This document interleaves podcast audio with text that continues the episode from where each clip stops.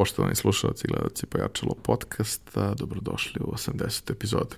Ja sam vaš domaćin Ivan Minić, a naš sponsor i ovog puta je EPSO.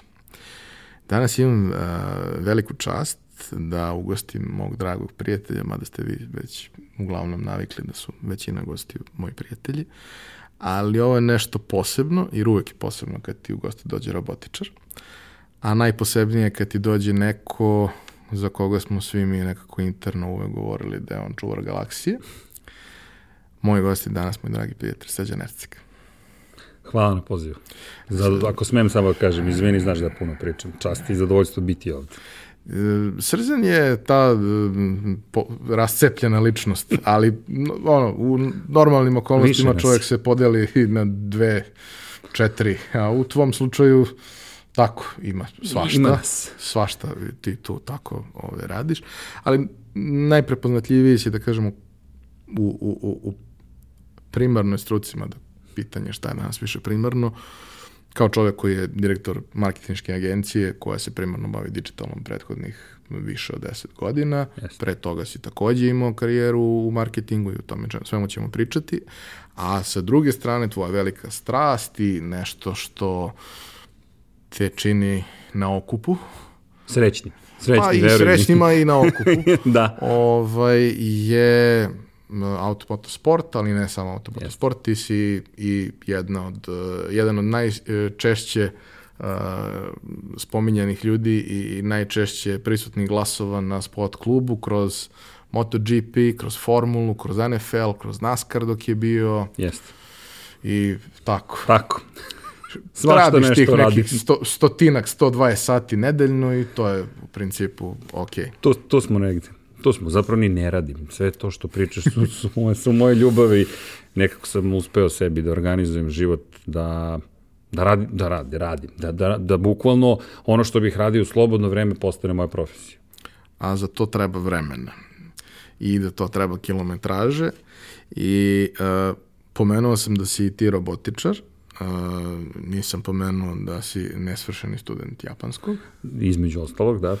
Ove, ovaj, ali to što si robotičar i što si, što je tvoj Rečkov, Bogdanov, Gargentin razredni, ovaj, bio meni direktor, to nas je na neki način prilično zbližilo. Ovaj, Izvini, kao... smejem se pošto je to posebna jedna priča.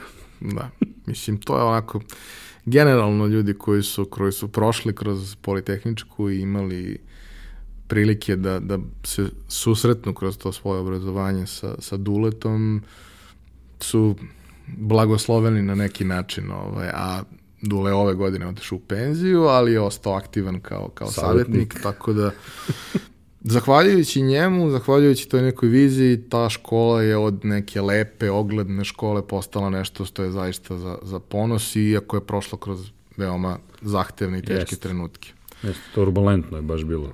Dule tu poslednjih par godina.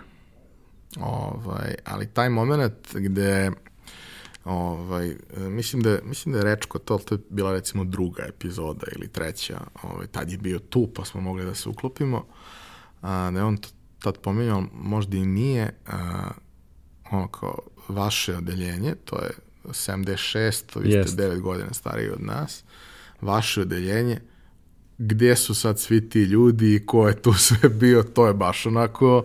Bizarno je. Evo, ja, ja iskreno kad pomislim sada, spomenu se ja imao Marka Gargentu, ne znam koliko ljudi znaju za Marka ili ne, čovek koji je pisao knjige za O'Reilly, čovek koji je imao Marakanu kompaniju, koji je prodao Twitteru, pa osnovao Twitter univerzitet, pa onda izašao iz Twitter univerziteta, postao jedan od angel investora, čovek koji živi u Silicijumskoj dolini i živi taj silicijumski san i čovek koji je nas sa nama se družio godinu i po pre nego što njegovi su roditelji kojima skidan kapu otišli za Kanadu, podigli celu porodicu iz Pančeva i rekli idemo za Kanadu, on se celio posle za San Francisco i postigo sve to što je kasnije postigao i ti sad sedeo si s njim u klupi I kao osvrneš se i taj čovek sad, ne znam, sačekate kad odeš u, u San Francisco u, i ponaša se prema tebi kao te zna 20 godina, sve najnormalnije. Onda gledaš Bogdana koji je pravio firme, prodavao firme, sve što je radio.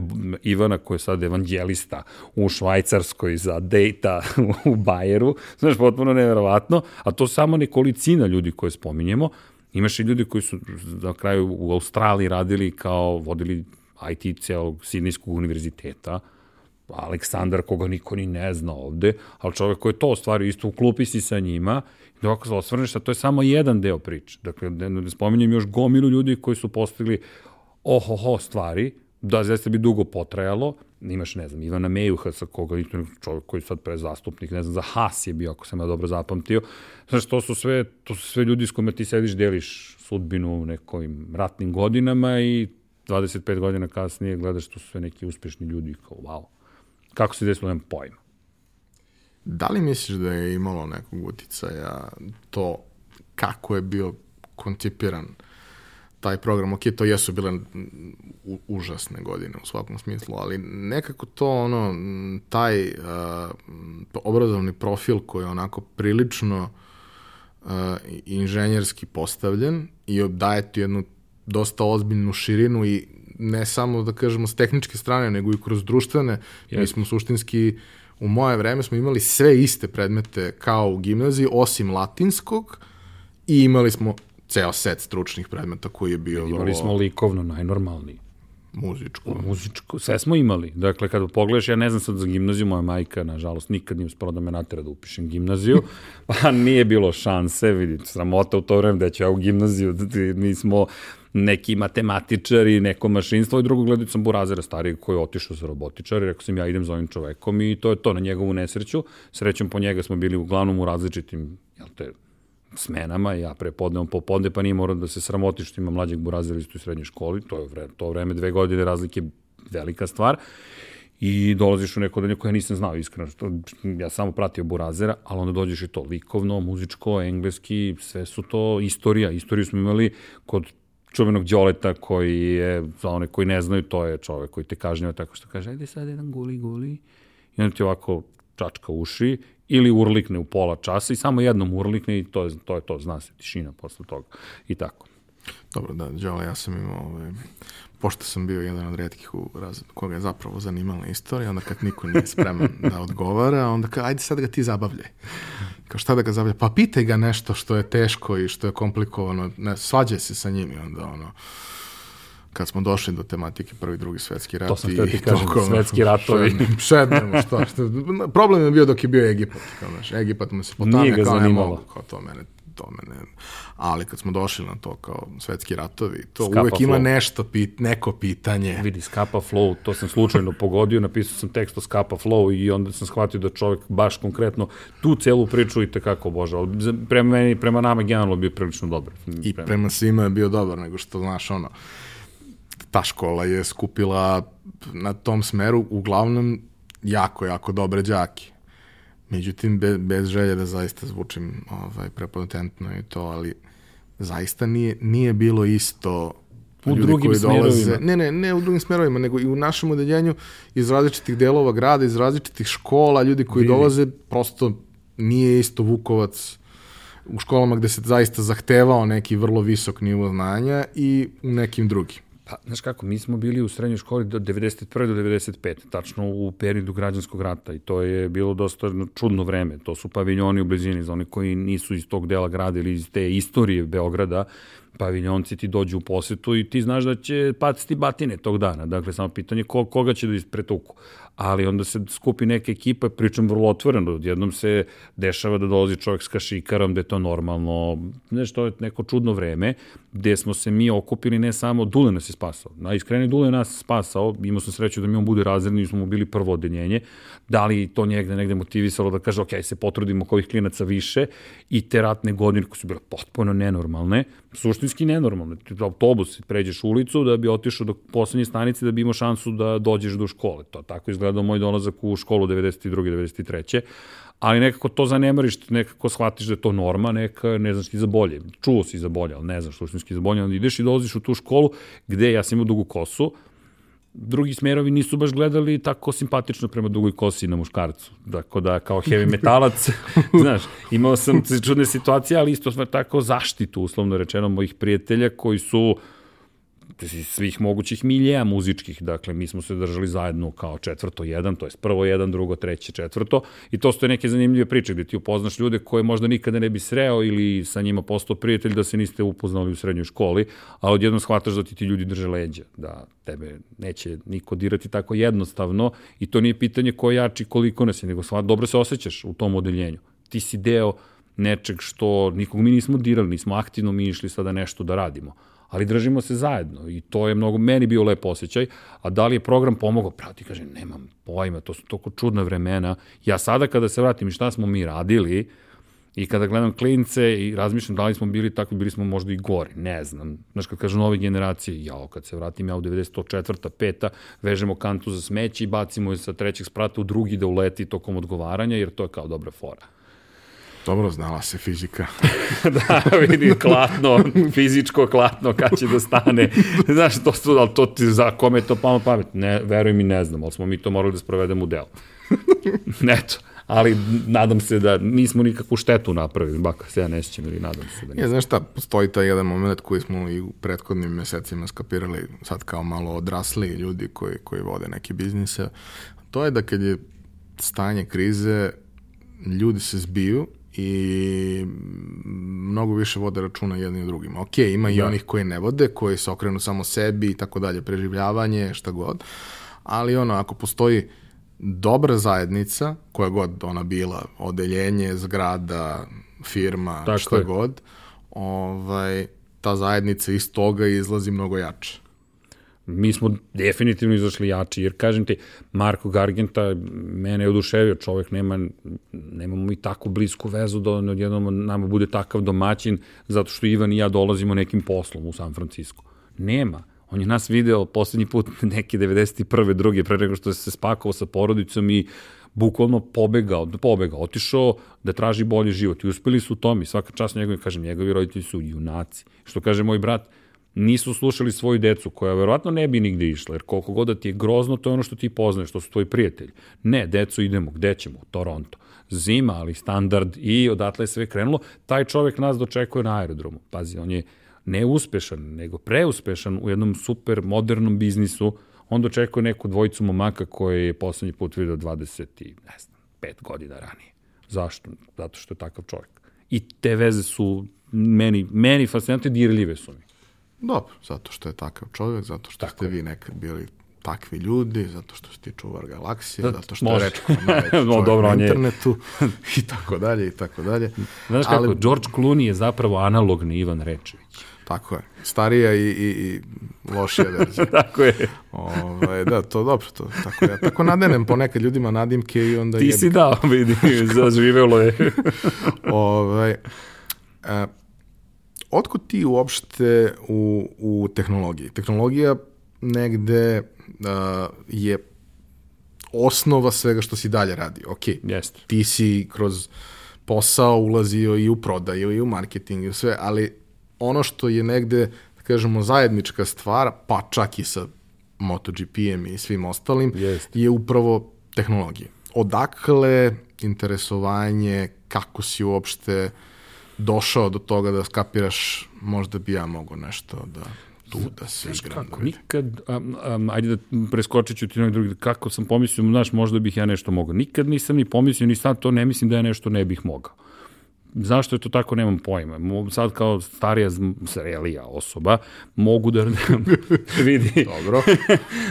vidi, zreli i sam, to je ipak komparativno. Starija osoba, da. Sad da je to zrelo, to je drugo, apsolutnim nekim merilima ali nikad nisam pomislio da nešto ne mogu. Znaš, ta ideja mi se nikad nije pojavila u glavi. To je jednostavno, pojavi mi se negdje kasnije kad nešto ostvarim. To je više bio strah od uspeha, jer uzmeš da uradiš nešto što je kao nemoguće, onda ga ostvariš, kao pa to, to, zašto sumnjati u to? Mada mi je veći problem bilo nešto što je drugima super jednostavno da uradim, e to ne umem. To čak i danas mi je teže nego nešto što zvuči nemoguće. Možda je to izazov. Kako god, na tehnologija, znaš kako, to je malih nogu. To, to ti direktno uticaj zapravo najbližeg okruženja, konkretno porodice. Mm, tata koji obožava naučnu fantastiku. Pazi, to je, ja sam rođen 76. godine. Neki prvi svesni, svesne uspomene imam tako, četvrte, pete godine sad, koje tačno ne znam, gde ja nijednog momenta ne znam da, da za svet bez računara. Danas je svet računara najnormalnija stvar, ali u tom momentu tata koji obožava naučnu fantastiku i moram da istaknem mamu koja podržava njegovo ludilo, realno. A da, znaš, njegova filozofija je da uvek bila neću da kupim kola, to svako ima, to svako može, ali ću da dam te iste pare za ZX 81. Vidi, za one koji ne znaju, to je računar koji ima 1 kilobajt. Ja ponavljam tu priču, to je 1 kilobajt. I onda, pošto je bio rukometni novinar, Sport, JSL, Jugoslovenski sportski list, Sport ga pošalje u Nemačku na izveštavanje sa rukometnog prvenstva, nekog, ne znam tačno kog, on se vrati s proširenjem na 16 kilobajta. I sad ima 16 kilobajta, to je moć. To je, to je moć. I ti krećeš, a onda imaš starijeg burazera, koga nerviraš jezivo, ali koji ti je inspiracija. Sad srećom, on je, on je zaista uber geek. Dakle, on ti je pravi geek, geek geekova i on je od prvog momenta kada je vidio računar, to je bilo to to je, to je računar i to je to. Oni, Oni su postali jedno. Tako je. I sad ti gledaš njega i normalno imitiraš. Čekaj, ako može on, mogu ja. Što naravno užasno nervira, ali to tako funkcioniše. Nema veze. Ja ali često kažem da si ti osoba koja sve nervira, ali ne mogu da te ne vole. E, uključujući ime. hvala. Vidi, to je, to, je, to je neka osobina, pretpostavljam, ali to je krenulo od malih nogu, to tako funkcioniš. I brat koji onda je na računaru, ja samo pratim šta on radi i učim kada imaš četiri godine, to je pet, a on ima sedam, kako pogledaš u procentima, on je u procentima značajno stariji, ali ja dobijam njegova znanja, dobijam priliku da učim da čitam i sve to je tehnologija od malih nogu. Drugo, okruženi si knjigama i da, hoću da pohvalim mamu i tatu, vidi, oni imaju oko 2000 knjiga na engleskom jeziku u to vreme. To, to je, meni je to bila normalna stvar, tako izgleda jedna soba, tako što imaš 2000 knjiga. Ja ne znam za drugačiju sobu normalno da svi imaju 2000 knjiga na engleskom, što je u to vreme ozbiljna anomalija. Zoran Živkov, koga, Živković, izvinjam se, Živkov je iz Top Speeda čovek koga obožavam na jedan drugi način, on me uveo u garažu Minardija 95. na velik nagradi mađarski, divan čovek. I, I Zoran Živković, koji u to vreme zove mog tatu da, da pozajemlje knjige od njega, moj otac koji ne da knjige. Jer za njega jedino što ne možeš da tražiš je knjiga. Znaš, knjige se ne daju, nikada. I što se njega tiče, nije greh ukrasti knjigu. Ali to je njegova filozofija životna, vidi knjige, pa, pa vidi, sad nešto smo snimali, pojavljam se na TV-u sa knjigom u ruci, on, on zove da pita da li sam uzao njegovu knjigu. Nije bitno šta sam ja radio koji, koji sam intervju vodio. Da li si uzeo moju knjigu? to je i dan danas filozofija. Vrlo ozbiljan pristup knjigama, ali to je čale. I ti onda si okružen knjigama, imaš nekog starijeg burazera, vidi, nema šanse da ti, ne, ja nisam mogu drugačije da se uklopim u društvo. Još stariji burazer od strica, Igor, takođe razume se u tehnologiju koliko toliko, ne koliko Ivan, Ivan je stvarno geek, i Ivana, starija sestra, ja sam najmđe, on je 73. Igor, 74. Ivan, Ivana 75. ja 76. Vidi, ja sam ono što je krao znanje od svih, bukvalno i sve nervirao, slažem se s tom, uvek, uvek, ali sam tako, to, tako ti to priča o tehnologiji, ja ne znam za drugačiji svet u suštini, Tako da verovatno su me oni definisali ovako racionalno kad postoji stvari, a to ti bilo igranje igrica i čitanje kasnije sveta kompjutera koji, znaš, ti sanjaš. Ja, ZX 81 je zamenjen godinu kasnije, kupuju ZX Spectrum, pazi, to su sad boje.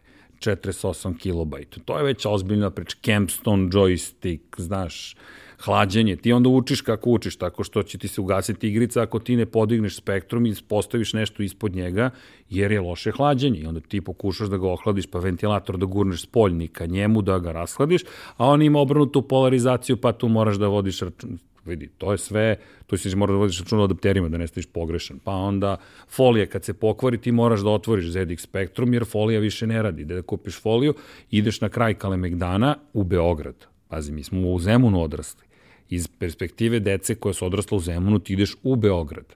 Dakle, ja, ko nije živa Zemunu, ne zna o čemu pričam, ali veruj mi, ti stojiš na Gardušu i ti vidiš Beograd. Ne vidiš ti centar grada. Ne, ne, tamo su Beograđani. Ovde su Zemunci.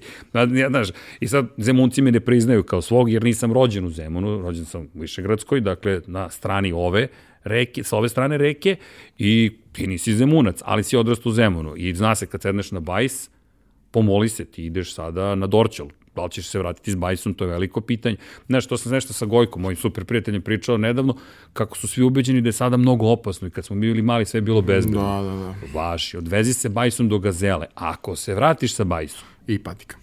I patikama. Ja ti čestitam za, dakle, to nije I ako šansa. je Mont jakna, onda jebi da, to je kraj. Pa vidi, mene su opljačkali u, u prolazu, pošto su se moji kasnije ocelili u to vreme stanarskog prava, nisi ti imao stan, pa su dobili stanarsko pravo za stan u Mirjevu, moraš se oceliš u Mirjevu. Sad ja funkcionišem na relaciji Zemun-Mirjevo, osmi sam u osnovne škole, osmi razred, i ostajem kod bake koja je dalje u Zemunu, koja je živjela sprati ispod nas, i gde me opljačkaju u prolazu ispod zelenog venca. Vidi, tamo do Sremske da stigneš, to je bila ozbiljna bitka. I to je tako. Tako je za klince. Dakle, možda roditelji nisu svesni toga, ali taj svet gotovo alternativni dan danas postoji. I znala se, uđeš u školsko, batine ili ne, kako funkcionišeš, to je svet koji roditelji neće nikad, ja mislim, razumeti. Zaborave kako je biti klinac. Nije da, ja, ajde, bože zdravlje, bit ću, nadam se, otac, ali u ovom momentu nemam tu emociju, ali znam po klincima od Burazera u Čileu, kako sad da ga obučim, šta treba da uradi u toj situaciji? Ti moraš da ga pustiš, da, da on ili ona stiče, znaš, Sofija, Niko, Lukas, kako da im ja pomognem, pogotovo odavde. Ti ne znaš šta se zbiva u školskom dvorištu, svi smo svi sa deca nasmejane dok se odrasli ne, ne sklone. Kad se sklone, to, to, to decivilizacija potpuno. Mm, Game of Thrones. Game of Thrones. Elem, ja sam ti sad onda u Zemunu, ideš da kupiš foliju na kraju Kalemegdana, tamo ti prodaju cigle inače, pa ako znaš kako da izbegneš kupovinu cigle, kupiš foliju, pa onda zameniš foliju, eto, tako smo naučili. Bukvalno šrafcigir od malih nogu. Tako da tehnologija je za nas bila normalna, onda Dimitrije, naš komšijak, mora da kupi računar. E, ali tata njegov kaže, nećemo mi Spektrum, nego ćemo Commodore 64. Onda kreće rat Komodorovaca i Spektrumaca čiji je bolji, brži, pametniji, ko ima turbo učitavanje, ko nema i onda kup detat dolazi Marko Budrovac, moj divni prijatelj, Amiga 500. O, kako smo plakali, ali e, kad pogledaš, konstantno sam bio okružen nekom tehnologijom koja je u to vreme anomalija, ali je to vremenom postalo mainstream. I još engleski jezik kada dodaš tome koji si morao da naučiš, kako sam učio španski, kada su napravili Dražen Petrović basketbol, koji je bio velika zvezda u Španiji, ti dobiješ krekovanu igricu, piratizovanu iz Novog Sada. Inače, to sam naručio, naručim kasete i pobegnem od kuće, jer baka onda mora da plati pouzeće i onda ja te zapalim. Kao što si rekao, nerviram, ali, ne, nerviram, ali me vole. I dobiješ Dražen Petrović basketbol gde piše Izgjerda, Dereća, nemaš ti pojma šta je, onda ti izabereš dugmad i vidiš a to je levo, to je desno, ovo je pravo i tako učiš i španski između ostalo. vidi, dovijaš, znaš kao uputstvo, kao walkthrough, kakav walkthrough, čekaš Bojana Majera i svet kompjutera da pročitaš walkthrough za igricu jer si zaglavio, a to čekaš ceo mesec jer nema interneta, to ne postoji osim da si čuo za mrežu jer tata priča o tome kako američka vojska napravila neki sistem da su spojili istočnu i zapadnu obalu. Ali vidi, razumeš, to su razgovori, nije, nije da sam ja znao. I moj tata koji mamu vodi na proslavu godišnjice Gagarinovog leta u svemir. Eto, to je romantika, dakle, Juri Gagarin je pre godinu išao u svemir, mi večeras idemo na večeru, ona žena nema pojma zašto, i onda ona kao, okej, okay, sad počinje da uči o tome, znaš, i ona, ona je nas podržavala. Vidi, dva sina, muž, svi su na svoju ruku i ona žena koja inače bila solo pevač kontra je žena, najdublji glas u Krsmancu i putuje i ima solo deonice i peva, ne znam, Karminu Buran, peva, ne znam, Verdijev Rekvijem u Dubrovniku na, dub, na, dub, na letnjim igrama. Znači, žena radi nešto vrlo ozbiljno. Onda se pavlja tehnička ekipa i ona je primorana onda da gleda Formulu 1 u dva popodne, da Znaš, sudbina nije bila jednostavna. Pogreši čovjek. Pogreši čovjek. Htjela je devojčica, ali sam se rodio ja. Pa dobro, ne bih rekao da je loše prošlo. Da, ja, ja sam zadovoljan za nju, ne znam. Šalim se, nije, nije, ispali smo ok. A, srednja škola je m, mm, vrlo značajna priča i zbog Jeste. prijatelja i zbog toga što, Jeste. što kaže Galeb, ovaj, u formativnim godinama se dešavaju bitne stvari i onda to naravno nosi određenu težinu. A, ali ja znam priču, ali mislim da, da je vrlo interesantna. A, šta je bio tvoj prvi posao i kako si krenuo da radiš i kako si uopšte ušao u svet odraslih? Uh, sad zavisi, znaš kako, uh, odakle, prvi, pos, prvi put da sam dobio pare za nešto, za nešto, to je bilo kad sam čupao zaperke, ako se dobro čupao zaperke, 93. to ne znam da sam ti pričao, to, ti je, to, ti je, to ti je prvi novac koji sam ikada zaradio čupao sam zaperke u kukuruzu. Znači, čupaš, to ti je kad raste kukuruz, pa sa strane izraste mali kukuruz, to čupaš. I prolaziš kroz redu, imaš muške i ženske kukuruze i vadiš semenke, jer ne znam, to je prva godina, ali to se, valjda, ne, ne želiš da se valjda razvija kukuruz u toj godini nego u sledećoj i rekli su mi 10 maraka dnevnica, čuj, za mene to bilo 5 dana radim, imam gitaru.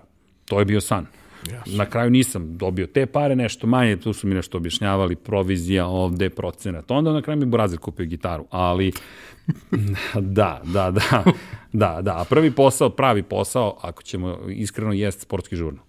To je to je, to je za mene veoma lepa jedna priča i uh, period života kažeš formativne godine, jesu, za mene srednja škola bila veoma važna. To se dešava posle srednje škole, srednja škola je najlepši period iz te perspektive. Ne kažem mog života, jer nekako sve što sada doživljam, ne bih se vratio u te godine, iskreno, jer mogućnosti i stvari koje doživljam danas daleko prevazilaze, ne ću reći najluđe snove, ali svakako nije, možda smo u ovom multiversu je prosto ta verzija, znaš, to je sad, svi smo u multiversima, ali u tom periodu to su, kao što ti rekao, ljudi koji su mene podržali. Ja sam imao probleme uh, u 7. i 8. osnovne, mm, počeo sam da se dosta razlikujem Ja sam i dalje hteo da igram futbol, nije da me devojčice nisu zanimale, ali sam imao neku svoju viziju univerzuma kako to funkcioniše. Ja se sećam, moram da je spomenem, nažalost ona, prosto izvini, koristim priliku, nije, nije nažalost živa više, ali Maja Baltić, to je bila moja velika ljubav. Ja sam njoj karamfile nosio u, ne znam, trećem osnovne, pred svima. Ona to bacala kroz prozor, onda ja se iđem dole, pa donesem karamfil, vratim i ponovo, pa ona baci ponovo kroz prozor, gde sam ja bio ubeđen, to je ta večna ljubav, onda sam to spakovao, taj karamfil, čuvao ga negde nestao u ovim ludim godinama kasnije, a to je bio moj koncept. To što mi se drugi smeju je meni bilo nevažno. Važnije je da ona zna da ja nju volim, to, to je taj izražaj. Svi su se smejali, niti to baš sve jedno, znaš, četiri vas si u razredu, svi se smeju, ali ti si, da to moja odluka je bila moj izbor, ne, ja verujem u to i to je prosto moj izbor. I sedmi, osmi razred kada je došao, Maja posle otišla da živi u Zimbabve, pa se vratila to neka čudna, u to vreme nemaš kontakte, ti Maju sretneš šest godina kasnije i dalje si zaljubljen kao wow, Maja, pirgava Maja. I, i dešava se u sedmom, osmom, ja sam i dalje čitao knjige i nije da su svi bili u tom razredu takvi, naprotiv, to su bili divni ljudi, samo prosto niko nije pričao. Spomenuo sam ti Ivana Mejuhas, Ivan Mejuhas je meni 30 godina kasnije ispričao da je da predstavim svoj prijateljici kao najhrabrijeg čoveka kojom znam, što je sam pao nesnice, da izvinjam se što ja pričam ovu priču, volio bih više da je on ispriča, ali šta je mene šokiralo, što je on zapamtio taj karamfil i rekao da sam ja imao tu hrabrost kao klinac, ali nije on ustao i rekao, ej kao, to je dobra stvar, ajmo da podržimo nekog klinca koji je romantično zaljubljen, možda previše hollywoodskih filmova, nemam pojma, to je moja vila vizija romantike. I 30 godina kasnije kaže to je bila hrabrost, samo što niko od nas nije smeo to da učini, nego smo uspomenare pisali koga volimo. Zašto to pričam? Nije da su da je bilo ko u tim odenjenjima bio protiv toga što ja radim, nego ti društvo nameće neki neki kodeks ponašanja, gde nije bilo cool čitati knjige u sedmom i osmom razredu osnovne. Ti si veoma ne cool. Ti si geek. Zapravo, ja sam čitao knjigi, meni to je bilo zanimljivo. Pa onda, znaš, te uklapaš se, jednostavno počneš da strčiš, a svi ti pričaju o seksu već tada. Kako su, ne znam, koliko devojaka bili, zbunju, kakav crni seks, ljudi, da, sanjam ga, super. U to vreme se pojavilo bit ću vrlo iskren, pojavili su se prve porno časopisi, to je Sex klub, ne znam, Vrući kaj, erotika, to su neke priče, znaš, i to ti si mogu da kupuješ na trafici. Ko nije živeo u, u SFRJ, ne znam o čemu pričam, ali šifre Tom i Jerry za odrasle. Potpuno bizarno. Moji prijatelji su se stideli, meni je to uvijek bilo nekako u kontekstu mog, hajde da kažeš, egzibicionizma, izazov da odem do trafike i tražim porno časopise. I to je bilo simpatično, ljudi su mi prodavali porno časopise. Ne kaže da kupujete porno časopise kad se osnovi školi, ali to je tako funkcionisalo. I onda meni daju i ja od kao, ajde Ercek, ti to možeš, ja odem kupim časopis, ja sam onda heroj društva jer sam kupio Tom i Jerry za odrasle, potpuno bizarno.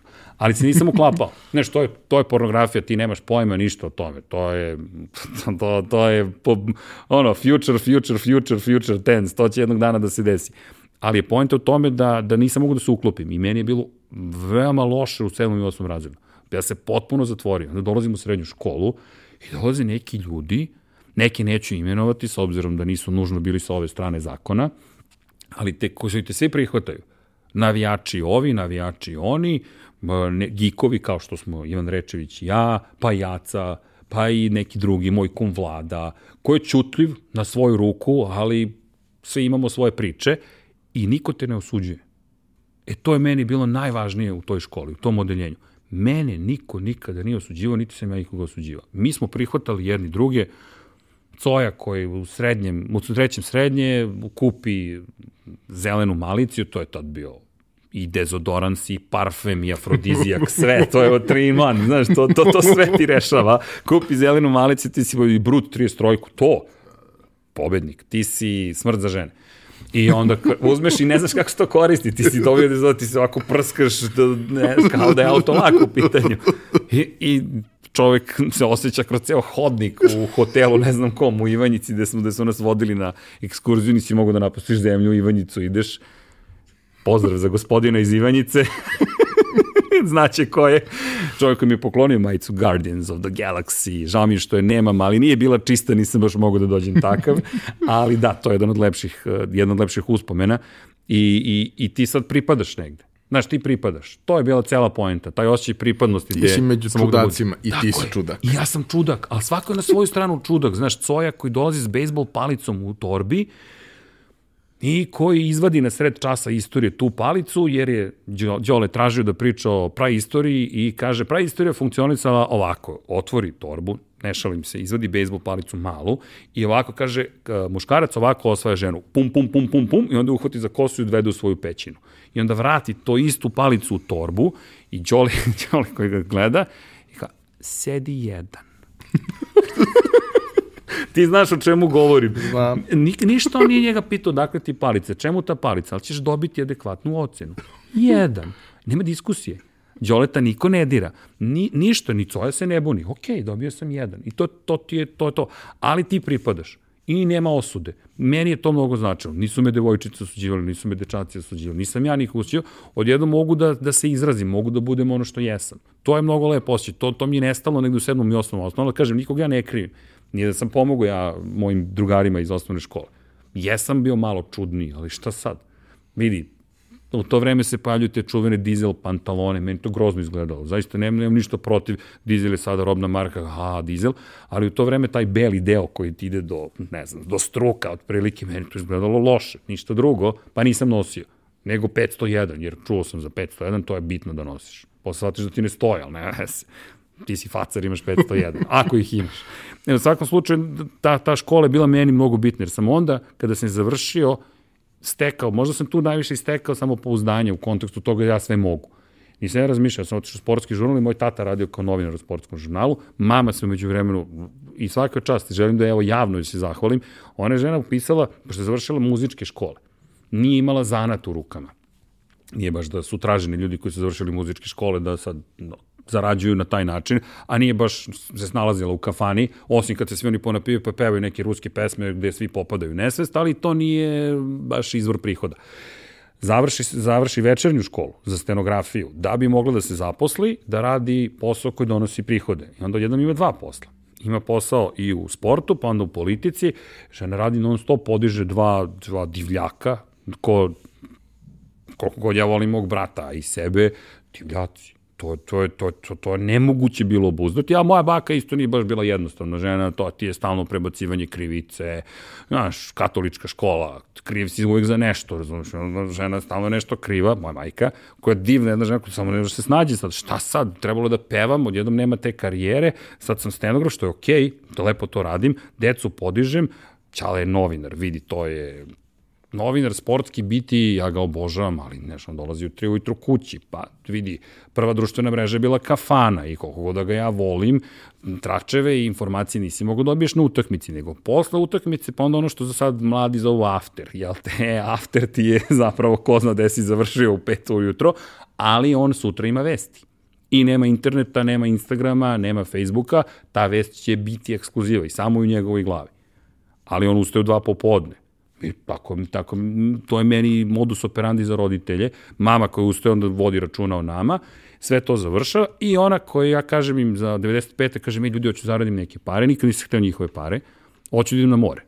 Kako ćeš na more kad nemaš pare? Pa zaradit ću ih. Gde ćeš ih zaradiš? Zaposlit ću se kao kurir u sportskom žurnalu. Jer je meni ostalo kao jedina stvar koju možeš da radiš biti kurir u sportskom žurnalu. Zašto? U sportu, a i u žurnalu u to vreme. Ne znam da si to doživeo, kapsule uh -huh. sa tekstovima. Spakuje se tekst u kapsulu i pušta se kroz sistem vakum cevi. Jeste. Sa šestog sprata ti šalješ dole na drugi sprat. Ludilo. Ludilo. Ono je zvuk. Plump, Znaš, i kao, smijem ja da stisnem dugme, smijem ja da stisnem dugme. Ti otvoriš jednu, jednu, prosto jedan prozor, kapsulu, guraš unutra, zatvoriš, klikneš dugme, ono, nestade. To je magija. I onda ovako čekaš, čekaš, čekaš, čekaš, čekaš, čekaš, čekaš, i onda se vrati, prazno. Neko je uzeo tvoj, znaš, to je, to je fenomenalno. I obeleženo na čepu sport. Meni je to bilo fenomenalno. I ja sam sanjao onda da budem kurir koji šta radi? Kad to ne funkcioniše, onda se angažuje kurir da trči dva, tri sprata. I kao klincu tebi je to zadivljujuće. Ti, ti, ti, ti gledaš, to je neki magični svet nekih odraslih ljudi. I ja kažem, ok, to mogu da radim, a da ne ugrozim, a da ne ugrozim školovanje. Jer sam obećao mami da ću da diplomiram. Mama, izvini što sam te lagao, ali obećao sam diplomu. Upišem ja mašinac, sve okej. Okay. Znaš, sve je u redu. Moj burazi dalje tvrdi da su testovi moje generacije bili lakši, jer sam bio bolje plasiran od njega. Ovo ti je javno in your face, ali okej. Ali šalu na stranu, ja sam rešio da završim mašinac. Da budem aerodinamičar. Da bih radio u Formuli 1. To je moj san. Pazi, to je san. Veljko Petrović je već inficirao mozak. I Ja kažem, ja mogu da radim kao kurić, ali kaže, ne može. E, mama kaže, može. I mama ode preko Ćaleta, to nije oprostio, a oprostio, posle mu je bilo drago pošto sam izgradio karijeru, de facto sam izgradio karijeru, nisam to znao da je to karijera. Otišla kod Miodraga Simonovića, u to vreme, jel te, glavnog odgovornog žurnala i rekla, može moj sin da radi kao kurir u sportskom žurnalu. I Simke, kako su ga zvali za ovoga danas, hvala Bogu, kaže, ne može. Ali može da dođe da proba da bude novinar pošto je dete novinara, pa ajde da probamo.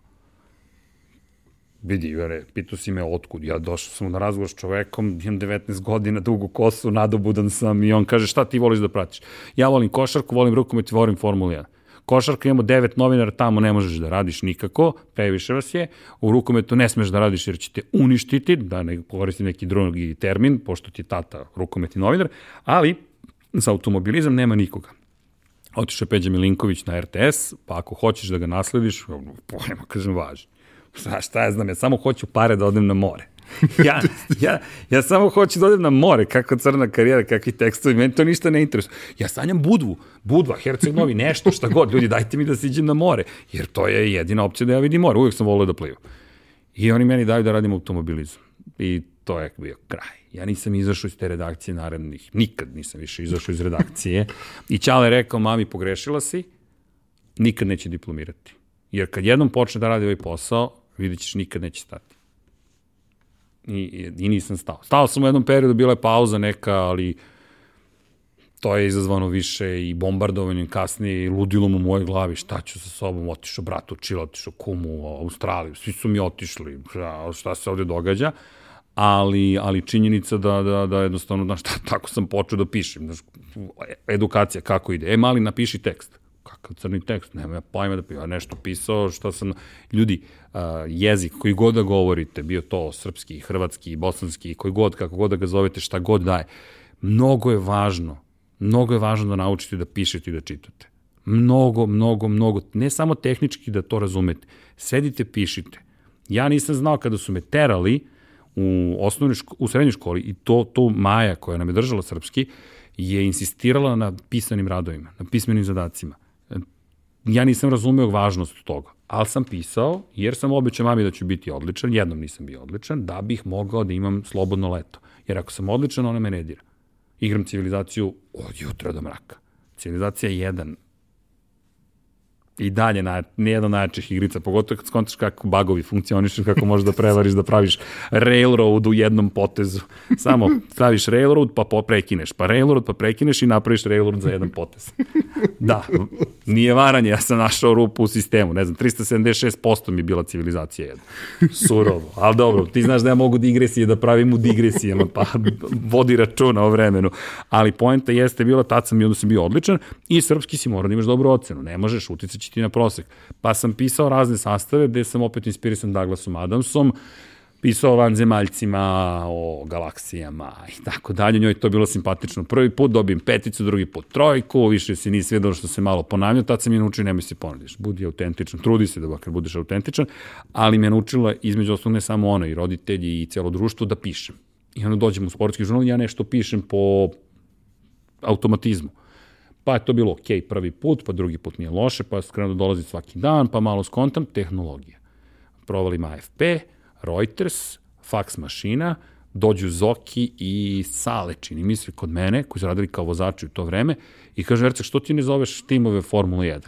I ja uzmem, apropo sveta odraslih, ja nisam ni znao da sam ušao u sveta odraslih, Ivane. Ne sam pojma, ja sam samo radio šta god mi je palo na pamet. Uzmem i pozovem 988 u Velikoj Britaniji, bukvalno, nađem, ne znam više, ne, zvao sam informacije, ne znam ni koji je to telefon danas, 9, ne, 988, vjerojatno kod nas, pozovem i kažem dajte mi 988 u Velikoj Britaniji. I oni mi daju neki broj. I pošto se smeja međunarodne pozive da obavljaš iz polskog žurnala, ja uzmem i okren 988 u Velikoj Britaniji. Engleski, kako sam naučio, nemam pojma. Evo iskreno ti kažem, nemam pojma opet, okružen knjigama, filmovi, igrice, to slušaš po ceo dan i ti, jednostavno ti to postaje deo tebe. I ja pozovem i kažem, dobar dan, meni treba Williams F1 Racing to, to, to je sve što sam ja rekao i žena nekim informacijama u Velikoj Britaniji kaže, evo, Williams, zato što to vreme način tim, to je 95-a, Damon Hill, Damon Hill jeste, Ayrton Senna, nažalost, David Coulter, cijela ta ekipa, znaš, osvojili su titulu sa Nigel Manson, kog sam ja obožavao i dan danas ga obožavam, i ja dobijem i telefon Williamsa. I sad ja ne znam kako ide taj razgovor, pazi, ja sam klijensko izašao iz srednje škole, neki u Srbiji, u, u Ludilu, u to vreme SR Jugoslaviji, Srbije, Crna Gora, više ne znam kako se zvala država, gde ti dve godine ranije pričaš o kašikarama, paviljonci dolaze da te tuku, a ti sad zoveš neki Williams. Znaš, to je potpuna transformacija mozga, ali meni to bilo sve normalno, sve to norma, kao da si u filmu. Ja pozovem i kažem, dobar dan, ja sam taj taj, krenem ja sad uvod, da znaju s kim imaju posla, zovem iz sportskog žurnala, to je najveći dnevni list u Jo, žena na centrali, a ko vam treba? Kao, drago mi je što ste se predstavili, vrlo ste ljubazni, ali ko vama treba? Rekao, ne znam. Nek ne znam. Ja ne znam ko meni treba. Ja ne znam zapravo šta ja hoću. Ja kažem, pa ja sam iz medija. A, media department. Ja kažem, Moguće. Mod, ja, ne, ja kažem da, sad sam već, sad, znaš, kao, sad ideš siguran, moraš da učiš, da, rekao, dajte media department. I radi se, Claire se zvala žena, zove se, nadam se još uvek, i, ja, i javi se, nemam pojme, Ivane, kažem, to, možete mi pošljati dopis. Sad pazi, to je smišljenje od 24 časa tog dopisa, ko smo, šta smo, zašto smo, memorandum, može pečat, može potpis i na faks pošalješ. I meni dva dana kasnije počne na faks da dolazi na ime Srđana Ercega, izveštaj Williamsa iz predsezonskih testiranja. Znaš, to je neki Williams ti nešto šalje. ti ne znaš da si zapravo u bazi podataka, je to normalno, da njihov posao i da se ti normalno predstavio, da su oni ljudi rekao, aha, okej, okay, ovo je niko ne spominje sankcije, ništa, ne zanima nas, neko se javio, pokazao interesovanje, ok. E sad, šta sam ja uradio? Napisao sam sincerely yours sam stavio. I malo sam bio ličan u celoj komunikaciji. Ne znajući da su me stavili na internu listu, gde imaš medijski embargo, gde neke stvari ne smeš da objavljuješ, gde sam ja njih pozvao kasnije još nešto da ih pitam i dela žena se da kaže, oh, it's you. I počinje da se smeje. I ne samo ona, su poznani čuje žene kako se smeju, jer sam se ja njoj objatio na nivou draga moja, Claire, piše ti tvoj srđan iz, iz Beograda. I ona žena, ko zna, njoj je bilo simpatično, ona mi rekla, čuj, mi smo tebe stavili na internu listu i enjoy, prilike. Znaš, ja zovem McLaren, McLaren sam zvao da pitam kako je Mika Hakinen. Sad ova žena, pošto je bio povređen, nažalost, od Adelaide 95, ona žena kaže, pa to ne mogu da vam kažem. Pa rekao, off the record, samo hoću, stvarno sam bio zabranut, rekao, samo dobro, pa ne mogu da vam kažem. Pa rekao, možete na neki, sad sam u Hollywood, znaš, kao, možete da mi date neki znak da je dobro. I ona mi daje znak da je dobro, krete. Znaš, kao ti, ti ne znaš šta pričaš, ali si gledao hollywoodski film i kao to dobro zvuči, mi smo sad špioni. Ja stvarno nisam nigde objavio tu informaciju, samo sam dobio informaciju da je dobro, Hakinen, ali znaš, to je neki klinac koji tako ide i zoveš i svi ti se javljaju i onda sledeći godin, da, ne, ne, nevjerojatna situacija počinje, počinju mi stižu neki paketi, pazi, Formula 1 je veoma bogat sport, izuzetno bogat. U to vreme mi smo zatvorena zemlja, niko nigde ne putuje, niko ništa ne dobija, sve funkcioniše na, po nekoj inerciji, dolazi čovjek iz DHL-a, tad su još bili belih boja, to se sećam, i ulazi ulazi u prostoriju, sad mi se mi smijemo, kao vidi kao iz DHL, kao šta će ovde DHL, kao ko je Srđan Erceg? Rekao ja. Ovoliki paket i dan danas ga čuvam iz Williamsa. I ti sad otvaraš, to je magija, ti si dobio novogodišnji poklon, unutra je knjiga sa statistikom, diapozitivi, pazi, diapozitivi, fotografije, mape, imaš ceo, ceo, ne rokovnik, nego možeš da sortiraš svaku trku, ti si dobio bukvalno za svaku trku posebnu plastičnu posebnu plastičnu koricu koju možeš da stavljaš sve što se... Znaš, to je arhiva. Ja to i dan danas čuvam, odneo sam kući, nisam ostavio žurnalu, bio sam, bio sam, ono, ovo neće preživjeti, do sutra, šalim se. Preživjelo je sve što sam ostavio, niko nije dirao, znalo se da je moje. Ali to sam, kad sam odlazio žurnala, poneo, to mi je bilo uspomena. I unutra, znaš, to su neke knjige, ti sad jedno dobiješ neke podatke, pazi sad, to su i slučajnosti. Ja ti kažem kako sam ja bio pametan, znaš, taj možda najveća pamet, što sam, to mi je ta srednja škola donela. Bio voljan da saslušam svakoga Dakle, ne, nisam nikad procenjivo čoveka na osnovu, aha, ti imaš tu titulu ili to ti je poreklo ili ovo znaš ili ovo ne znaš ili se izražavaš ovako ili se ne izražavaš, nego šta si rekao. I ljudi koje glavno niko nije nešto previše slušao, tako društvo funkcioniše, koji su sa mnom se družili, jer petrolhead, svi volimo automobile, oni su sa mnom družili, dali mi neke ideje, ja sam ih poslušao. I uradio ono što rade druge kolege, ali nisam očekivao to sve. A onda počinješ da shvataš, aha, ako se javimo ovde, ako se javimo ovde, desit će se ovde. I istovremeno počeo sam posle, kad sam prešao u politiku, da koristim računar u pisanju tekstova, što ti je opet tehnološki skok. Meni to nije bio tehnološki skok, nego bilo normalno. Jer zašto bih, pogotovo i pozdravio bih ponovo Deke Stejovića, to je urednik koji mene, znaš, u srednjoj školi te uče mnogo toga i ponavljaju ti gramatički i prirodni rod. I ti mašaš glavom važi, gramatički i prirodni rod. Ali nikad nisi imao upotrebnu, nisi ostio upotrebnu vrednost toga, nisi napisao tekst. Zašto volim taj jedan sistem koji se ne primenjuje, možda, možda se primenjuje kod nas, gde te teraju da pišeš. Zato što je to primenjeno znanje. Kao Excel, ne znam, ko je radio u Excelu, otvoriš ga i čemu ovo služi? Šta će meni Excel u životu? Kasnije shvatiš koju moć posjeduje, ali kad ti ne treba, šta će ti? E, tako s pisanjem, šta će meni gramatički rod? I onda ja napišem, Kimi Raikkonen uh, i prebacim ga u žensko rod zato što je, ne znam, uh, ili krenem Ferrari, kao je u muškom rodu, jel te, gramatičkom, Ferrari, najuspešniji tim sve i ekipa koja je osvojio ne znam nija šta. Pa ne može, koja je osvojila mora da ostane. Ti u nastavku moraš da ostaneš u ženskom rodu, jer po gramatici moraš da izjednačiš. Ja to nisam tad razumio, jer kao Ferrari je muškog roda, molim vas, kakve su gluposti, onda Deki Stević uzme oko čšk, čk, počepati tekst i kaže, Erceg, ajmo opismenjavanje, u kantu napiši ovo ponovo. I isto Teca Veličković koja se trudila sa mnom da mi, da mi dopre do mozga, ali tad sam već bio ha, ratoboran, ja sve znam, srećom poslušao sam ih. U stvari ne, grešim, kad je autoritet u pitanju, tu nisam slušao. Kad je autoritet, tu nisam slušao. Sad, sad, sad sam shvatio da zapravo sa autoritetima sam uvijek volao da se svađam. Nemam pojma zašto, to je za nekog psihijatra. Pa jeste, ali to sam volao. Ako je što veći autoritet, to je veći izazov da se dobro posvađamo. Na, obično na, na moju štetu. Ali okej. Okay. I tako sam počeo. Ivane, bukvalno verujem mi po inerciji. I onda sam počeo da pišem, onda sam počeo da gradim neki svoj stil, stil koji se zas, zasnivao dosta na gotovo programerski. Počinjem uvek isto rečenice u izveštajima. Ivan Minić, moj veliki dobri prijatelj, car koji je, i onda znaš, opišeš čoveka. Mihael Schumacher, nemački vozač Benetton Forda, pobedio na velikoj nagradi Belgije i to ti novinarsko pravilo ko gde, šta, kako, kada, zašto, to opišeš i to me naučio Zoran Popović, kasnije u politici rekao je, mali, slušaj, u prvom pasusu mora sve da piše jer sve ostalo ću možda da isečem i neće ući novine. Tako da molim te, to je meso, ovo ostalo je salata. Ok?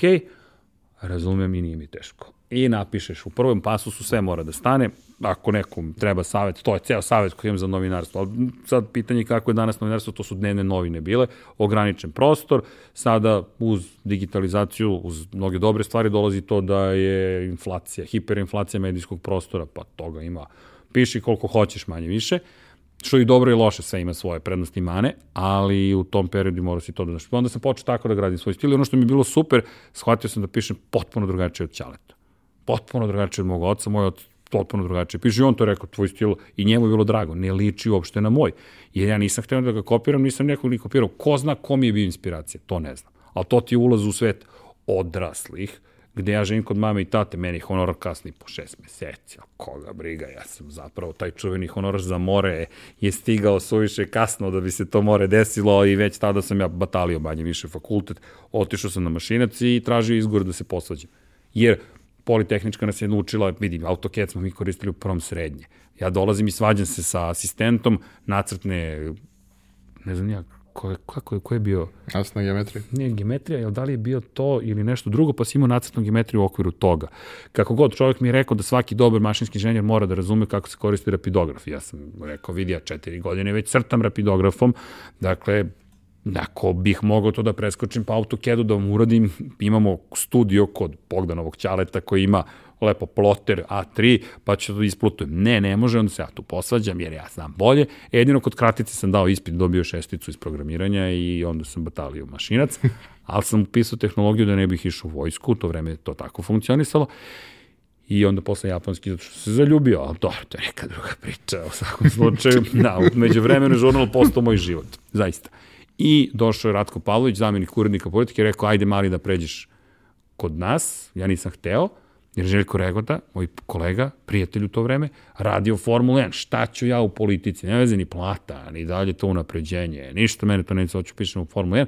Međutim, onda su počeli, neko je rekao da mi tata piše tekstove, što me iznerviralo, onda sam ja hothead rekao, tako, tata piše tekstove, idem ja i onda sam otišao u politiku. Ali to je bilo i to divno što sam otišao, dobio sam da radim tenis i zimski sportove pa sam pisao vreme kad niko nije pratio tenis, Nebojša Višković, Voja Veličković, i kako se zove čovjek sa SOS-a, ja, to, to je ekipa koja radila tenis.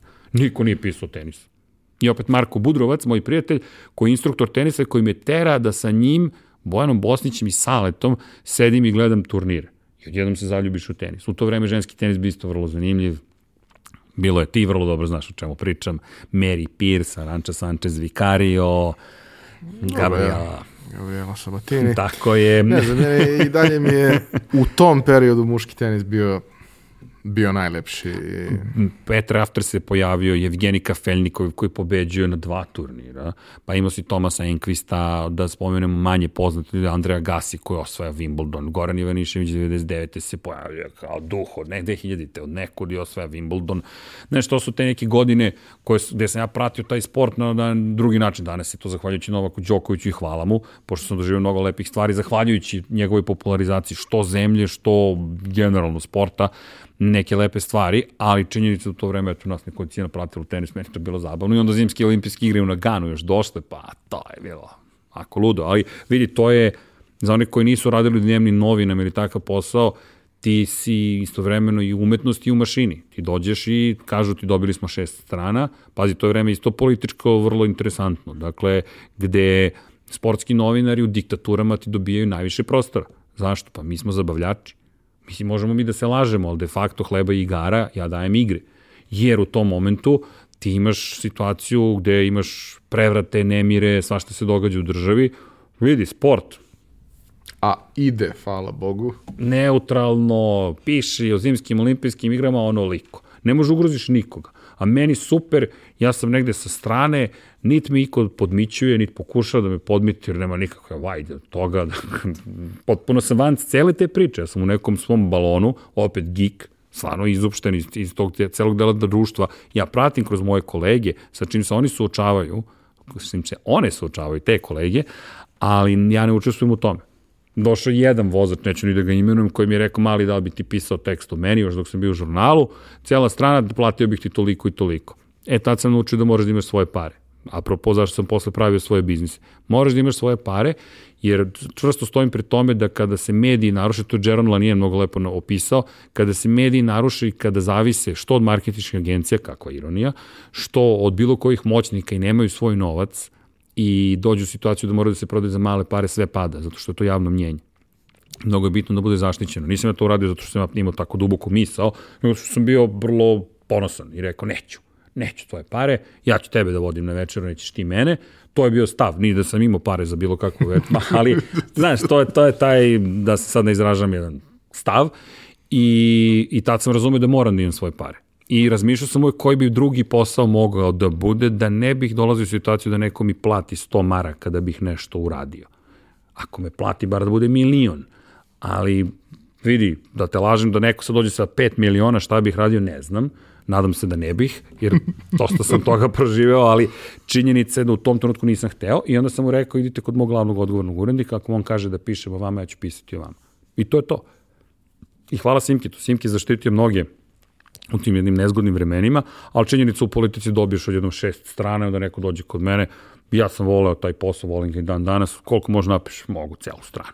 I onda dobiješ celu stranu, u žurnalu se dešavalo da dobijem celu stranu, pa ispadne da mi je tata namestio celu stranu. Ne, cela filozofija je bila ja napišem što više mogu, jer Clarice Williams mi je u, u interni krug ubacila.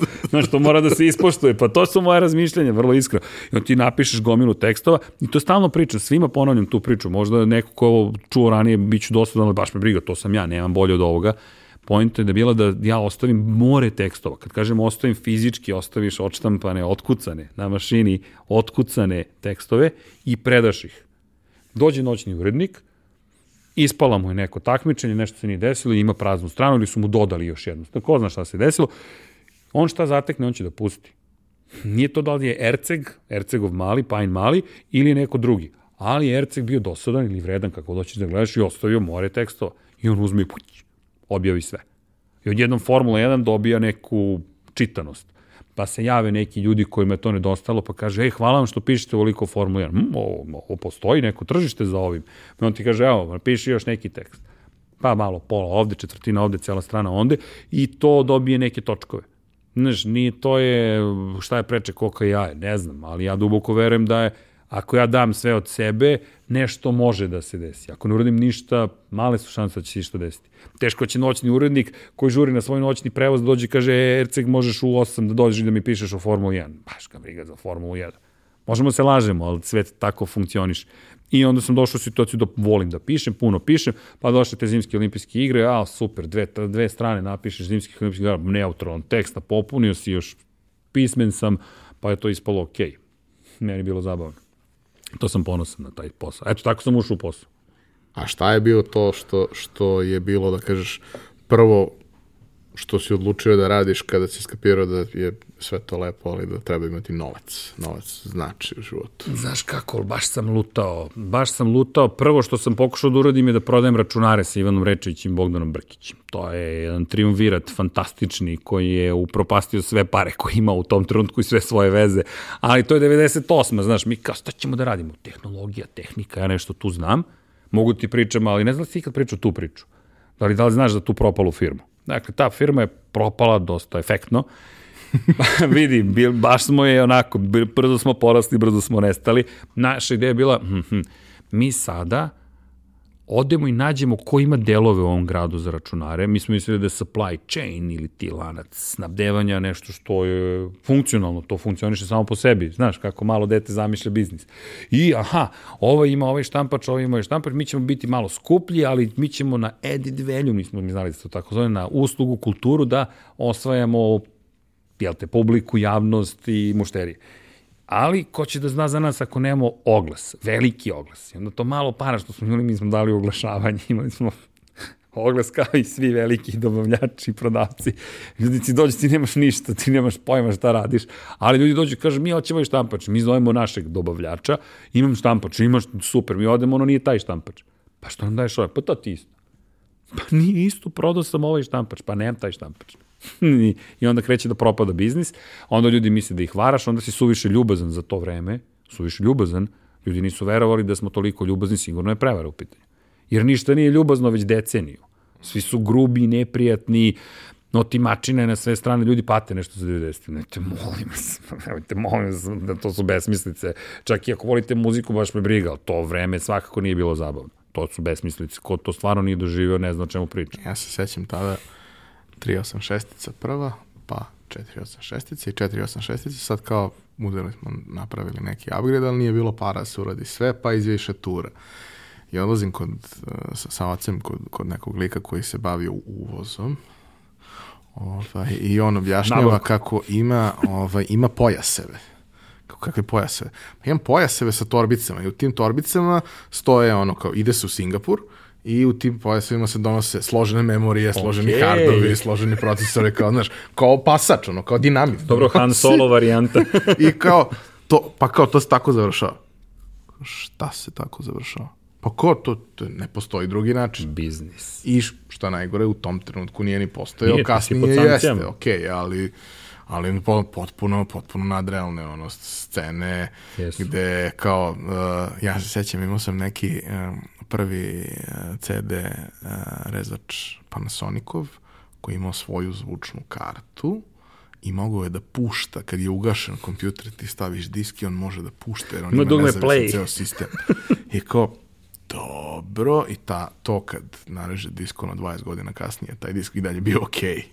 Kao što, što se posle više nije dešavalo sa novim, novim hardwareom koji smo imali i bio je ono dva puta. Novi Mosači medija, da, da, da, puta Re, dva. Rezalo je, rezalo je po sat vremena i onda pukne, znaš, kao prinko, neki pukne. U, čekaj, se sećaš tri po inčne, ti pogodio tri po inčne diske. Da, da, kako ne. Ja nisam 5.25, ali tri po inčne jesam i to je bilo ono kao, verbatim diskete. Tako to, je. Skoro sam, skoro, High density. 7-8 godina sam poklanjao ovaj, drugarima to kao, jer je bila relikvija. Kao to imaš i sad kao snimiš na to ono megabajt i nešto.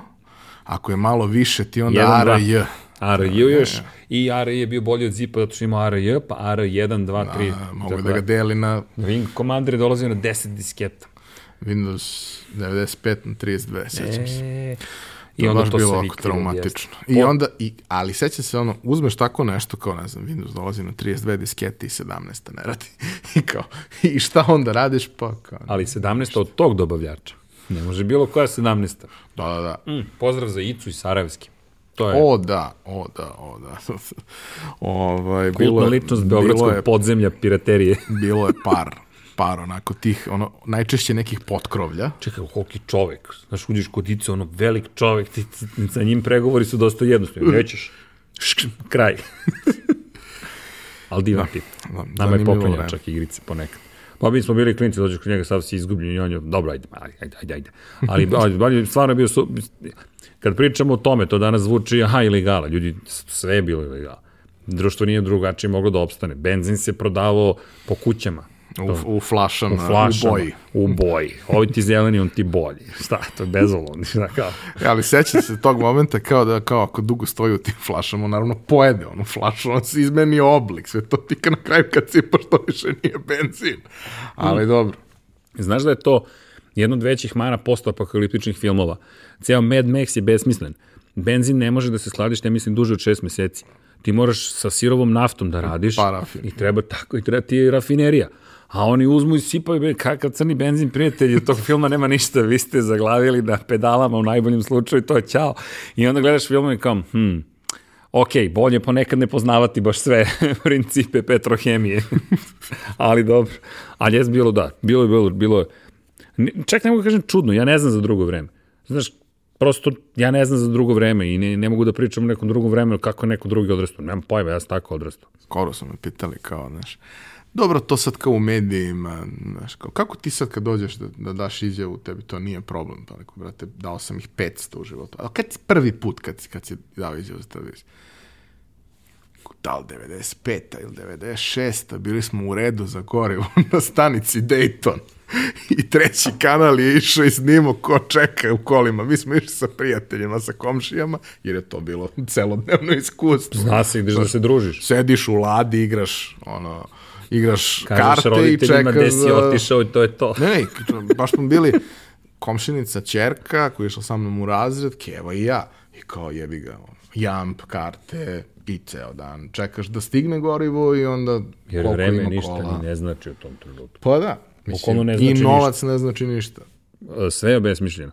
Pa vidi, mi smo u čuvenoj poslastičarnici, ne znam da li, da li je bilo u tvoje vreme, pored Politehničke, kupovali šampite tako što, ja sam bio blagajnik u prvom ili drugom srednje, prikupim novac, dinare, i ne dam ga uveče, nego ga predam sutra popodne, a, ne, prek sutra popodne, ali sutradan vodim celo, celo, koga nađem, vodim na šampite.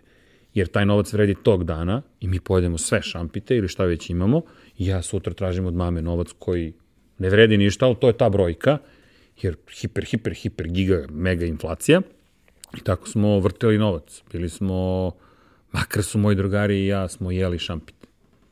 Vidi, nisam neki isterivač pravde, ali sam bio svestan da pff, taj novac jednako ništa ne vredi. Ajmo bar da idemo šampiti. Ok, Mislim, nije to, je, to ni tako loše. No nije loše, to je takvo vreme, ali znaš, nije baš da sam postao kralj e, novca. kralj šampita, a niš kralj, kralj šampita. šampita. Ne, nisam ni šampita. Ali znaš, znaš šta me to podsjetilo, zapravo to su filmovi, filmovi, to mi je bilo jednom u Americi, znaš kada on kupi kolač, može da izabere da li će da ide sa prijateljicom noći ili će kupi kolač. Kao, dono je njoj kolač i onda ga pojede onako u slast. Ne to neka scena ostala kao baš super šampite. Nije baš da smo imali prilike s prijateljicama noći, ali nema veze, bar smo se nali šampite. Pa da, to ti je. Pa mi si vrlo iskreno to, to je, vidi, klijenti smo u srednjoj školi, kako crne devojke, još stvarno smo gikovi, pa ti izraste glista iznad usta, ti ne znaš šta ćeš znaš samo da si smešan. Pa da, kao ko će da te obrije, onda Ćale tu se obratiš, što sam otiš, kako Ćale, znaš, kao, sad mu kaže, hoće se brijem, onda se on ne, ja sad treba da ga brijem, ja ne mogu. I tako. Ali ne vezi, naučilo se. U svakom slučaju, da, eto, vratili smo se mi na srednju školu. Ali da. A, u kom trenutku krećeš da radiš nešto ozbiljno? Nešto ozbiljno?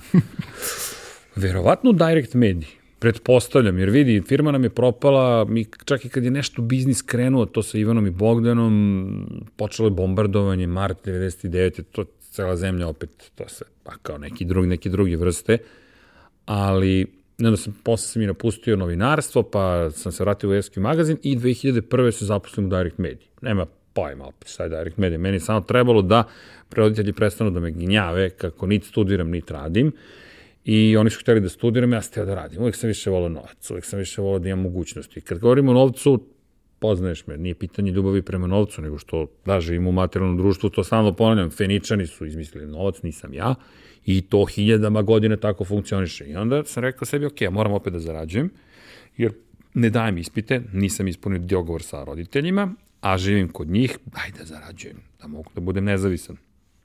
I prijavio sam za posao, zaposlio su igraonici igronici u nekadašnjoj industriji, to je bio kulturološki udar, industrija je pretvorena u igronicu, to je bio znak vremena koje dolazi, znaš, od jednog tehno-narkomanskog mesta, od jednom neka deca od 11-12 godina dole sede i na 50 računara i igrice i ja sam administrator tu. Eto, to ti je bilo moje zaposlenje, a i tu je bila greška što me čovjek pitao jesi nekad radio na Windowsu, NT, rekao jesam, pošto je moj brat instalirao NT četvorku, ali on je mislio da sam mislio na NT server. On pitao, znaš NT, znam. Zašto je moj brat imao Windows NT? Pa dual boot operativni sistem, nijem pošten programer, neće programer u 95. To je džubre. Nego NT4 i onda tuga kad je izašao Windows 2000, NT5 je prestao da postoji, nego je sve objedinjeno jedan sistem. Svi dobri geekovi znaju o čemu, o, tu, o, o tužnim momentima iz tog perioda. I tako sam dobio posao slučaju, zato čovjek pogrešio, nije znao da, mu, da nisam mislio na server. I onda kad je shvatio, o ne, zaposlio sam ga, ali kao sad je već kasno. I umeđu vremenu ja se prijavim, sretnem moju prijateljicu Draganu Todorović, hvala joj, na, na, na žurci, ja mi pita što radiš, ja preko tražim posao. E, super, ja radim u Ovationu, to ti marketička agencija, važi, nema pojma šta je Ovation, kamoli BBDO, i mi otvaramo novu firmu, zove se Direct Media, bavit će se media buyingom, media planinom, maš, da ništa, možeš da zaključuješ logički media buying, media planning, i kaže, aj pošalji CV, ja pošaljem CV, ima i tu priča, nisam ispunjavao sve uslove, ali dobra veza čuda čini, pa sam završio na gomili koja je diplomirala. jer je uslov bio da diplomiraš. U svakom slučaju, eto, nije šta znaš, već koga znaš, pa su me pozvali na razgovor za posao i rekli mi da su me angažovali zato što drugačije razmišljam, šta god to značilo. to su mi kasnije priznali. To mi je rekla da prva direktor kod Dalila Petronić kaže da bude angažovati da druga, zato što drugačije razmišljam, pa da ima da li će nešto da se desi zahvaljujući tome. Ma, okej, okay. to je prvi ozbiljan posao. Prvi kada posmatraš iz te perspektive da nije novinarski. Novinarski jeste ozbiljan posao, ali to ne pripada šablonu, to dođeš u 9, odeš u 5, imaš klasične odmore, ti nemaš odmor, ti ne želiš odmore u medijima. Ko želi odmor? To je to ono što ljudi ne razume. Kad je me, među sezona. Me, okej, okay tad. Ali e, trka je za vikend. E, zašto radiš ovog vikenda? Ja ne radim ovog vikenda. Ja sam srećan ovog vikenda. To je, ali to je, ti znaš o čemu priča, to je suštinska razlika. To nije posao, meni niko ne tera. Jedva čekam da se probudim, dan trke, ljudi, race day, to, to, danas je taj dan, a ti ne da radiš. Meni je nešto drugo bi mi bilo da moram da radim. Tad sam počeo da radim. Znaš, kao sad moraš da radiš, ok, sad moraš da budeš ozbiljan, moram da kupim pantalon, kupio ne, kupim neke žute banana, žute pantalone, nema pojma, kao to izgleda ozbiljno. Popravio juga, znaš, kupio novu pompu za benzin da izgledam ozbiljniji. Vidi, ko nije popravljao Juga 45A, ne zna koja je to rupa bez dna. Obožavala sam ga, na kraju su ga ukrali, ga iz, iz, iz dvorišta mog prijatelja Cige. Pa da, Vladimir Dimitrijević, ali uvijek je bio, zvali su ga kad, kad, kad, kad izađe na sunce, potamni za tili čas i zvali su ga od malih nogu ciga. Mama ga zove ciga. to, to, to, to, bukvalno. Ali to su sve neki divni ljudi s koji sam uspostavio lepe veze, onda smo parkirali njegovo dvorište, nekoga izneo, izvezo preko noći iz dvorišta, raspali Jugo 45A, mogu sam pretpostaviti da je ta šasija završila, to jest, he, vidi, to, to, to, to ali, ali činjenica da sam tad pokušao da se uozbiljim. Znaš, da glumim zapravo, da, da budem poslovan čovek, kako to izgleda opet na filmovima. Dolaziš u 9, odlaziš u 5, ponašaš se na određeni način i da, tako, to, to, pol, polurobotizacija. Ali nisam ni tu mogu da se robotizujem. Tako da, nadobili su čoveka koji drugačije razmišlja. pa sam najkažnjavanija osoba u istoriji te firme. Ali it's okay. Uh, danas je Direct nešto potpuno drugačije. I da, da. kažemo, ok, ceo media mix se promenio drastično. Da, sve se promenio. A, a to je neki period kada suštinski nastaje tržište advertisinga da. u pravom smislu te reči. Da. Ok, postojao je on i 90-ih, ali u vrlo, vrlo, vrlo limitiranom obimu, jer niti Jest. je bilo televizija, niti je bilo pa, štampano, para. pa da, naravno.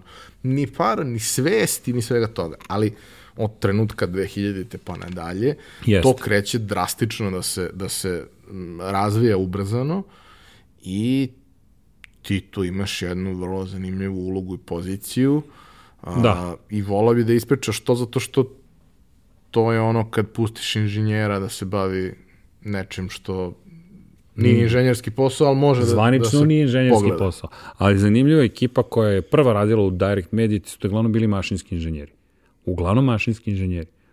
Ne, to, to je neverovatno, to su sve mašinci. Jovica, Marija, Gojko, znaš, sve su mašinci, Dalila, spomenuto, sve su mašinci. Znaš što treba neko nešto i da napravi.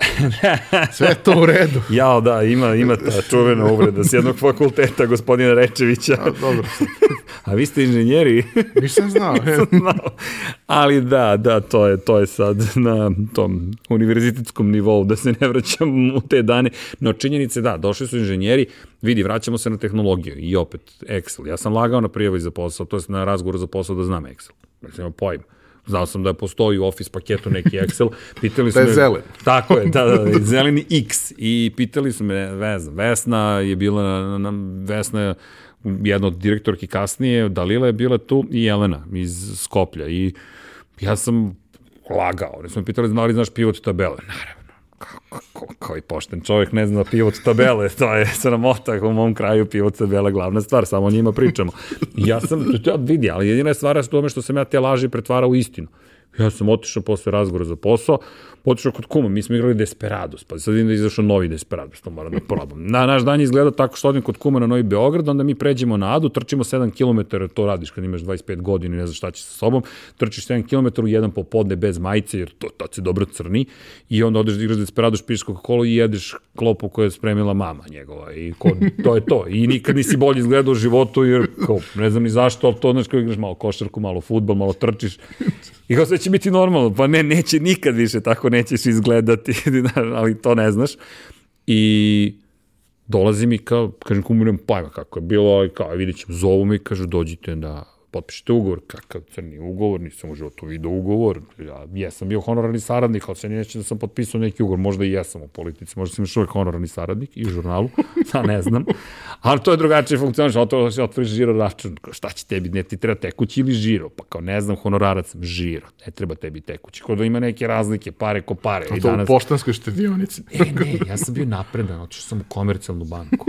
A pazi, tad je komercijalna imala veze sa politikom, pa kao tad ti brže ležu pare. Ako ti uplate u komercijalni, dan ranije dobiješ lovu.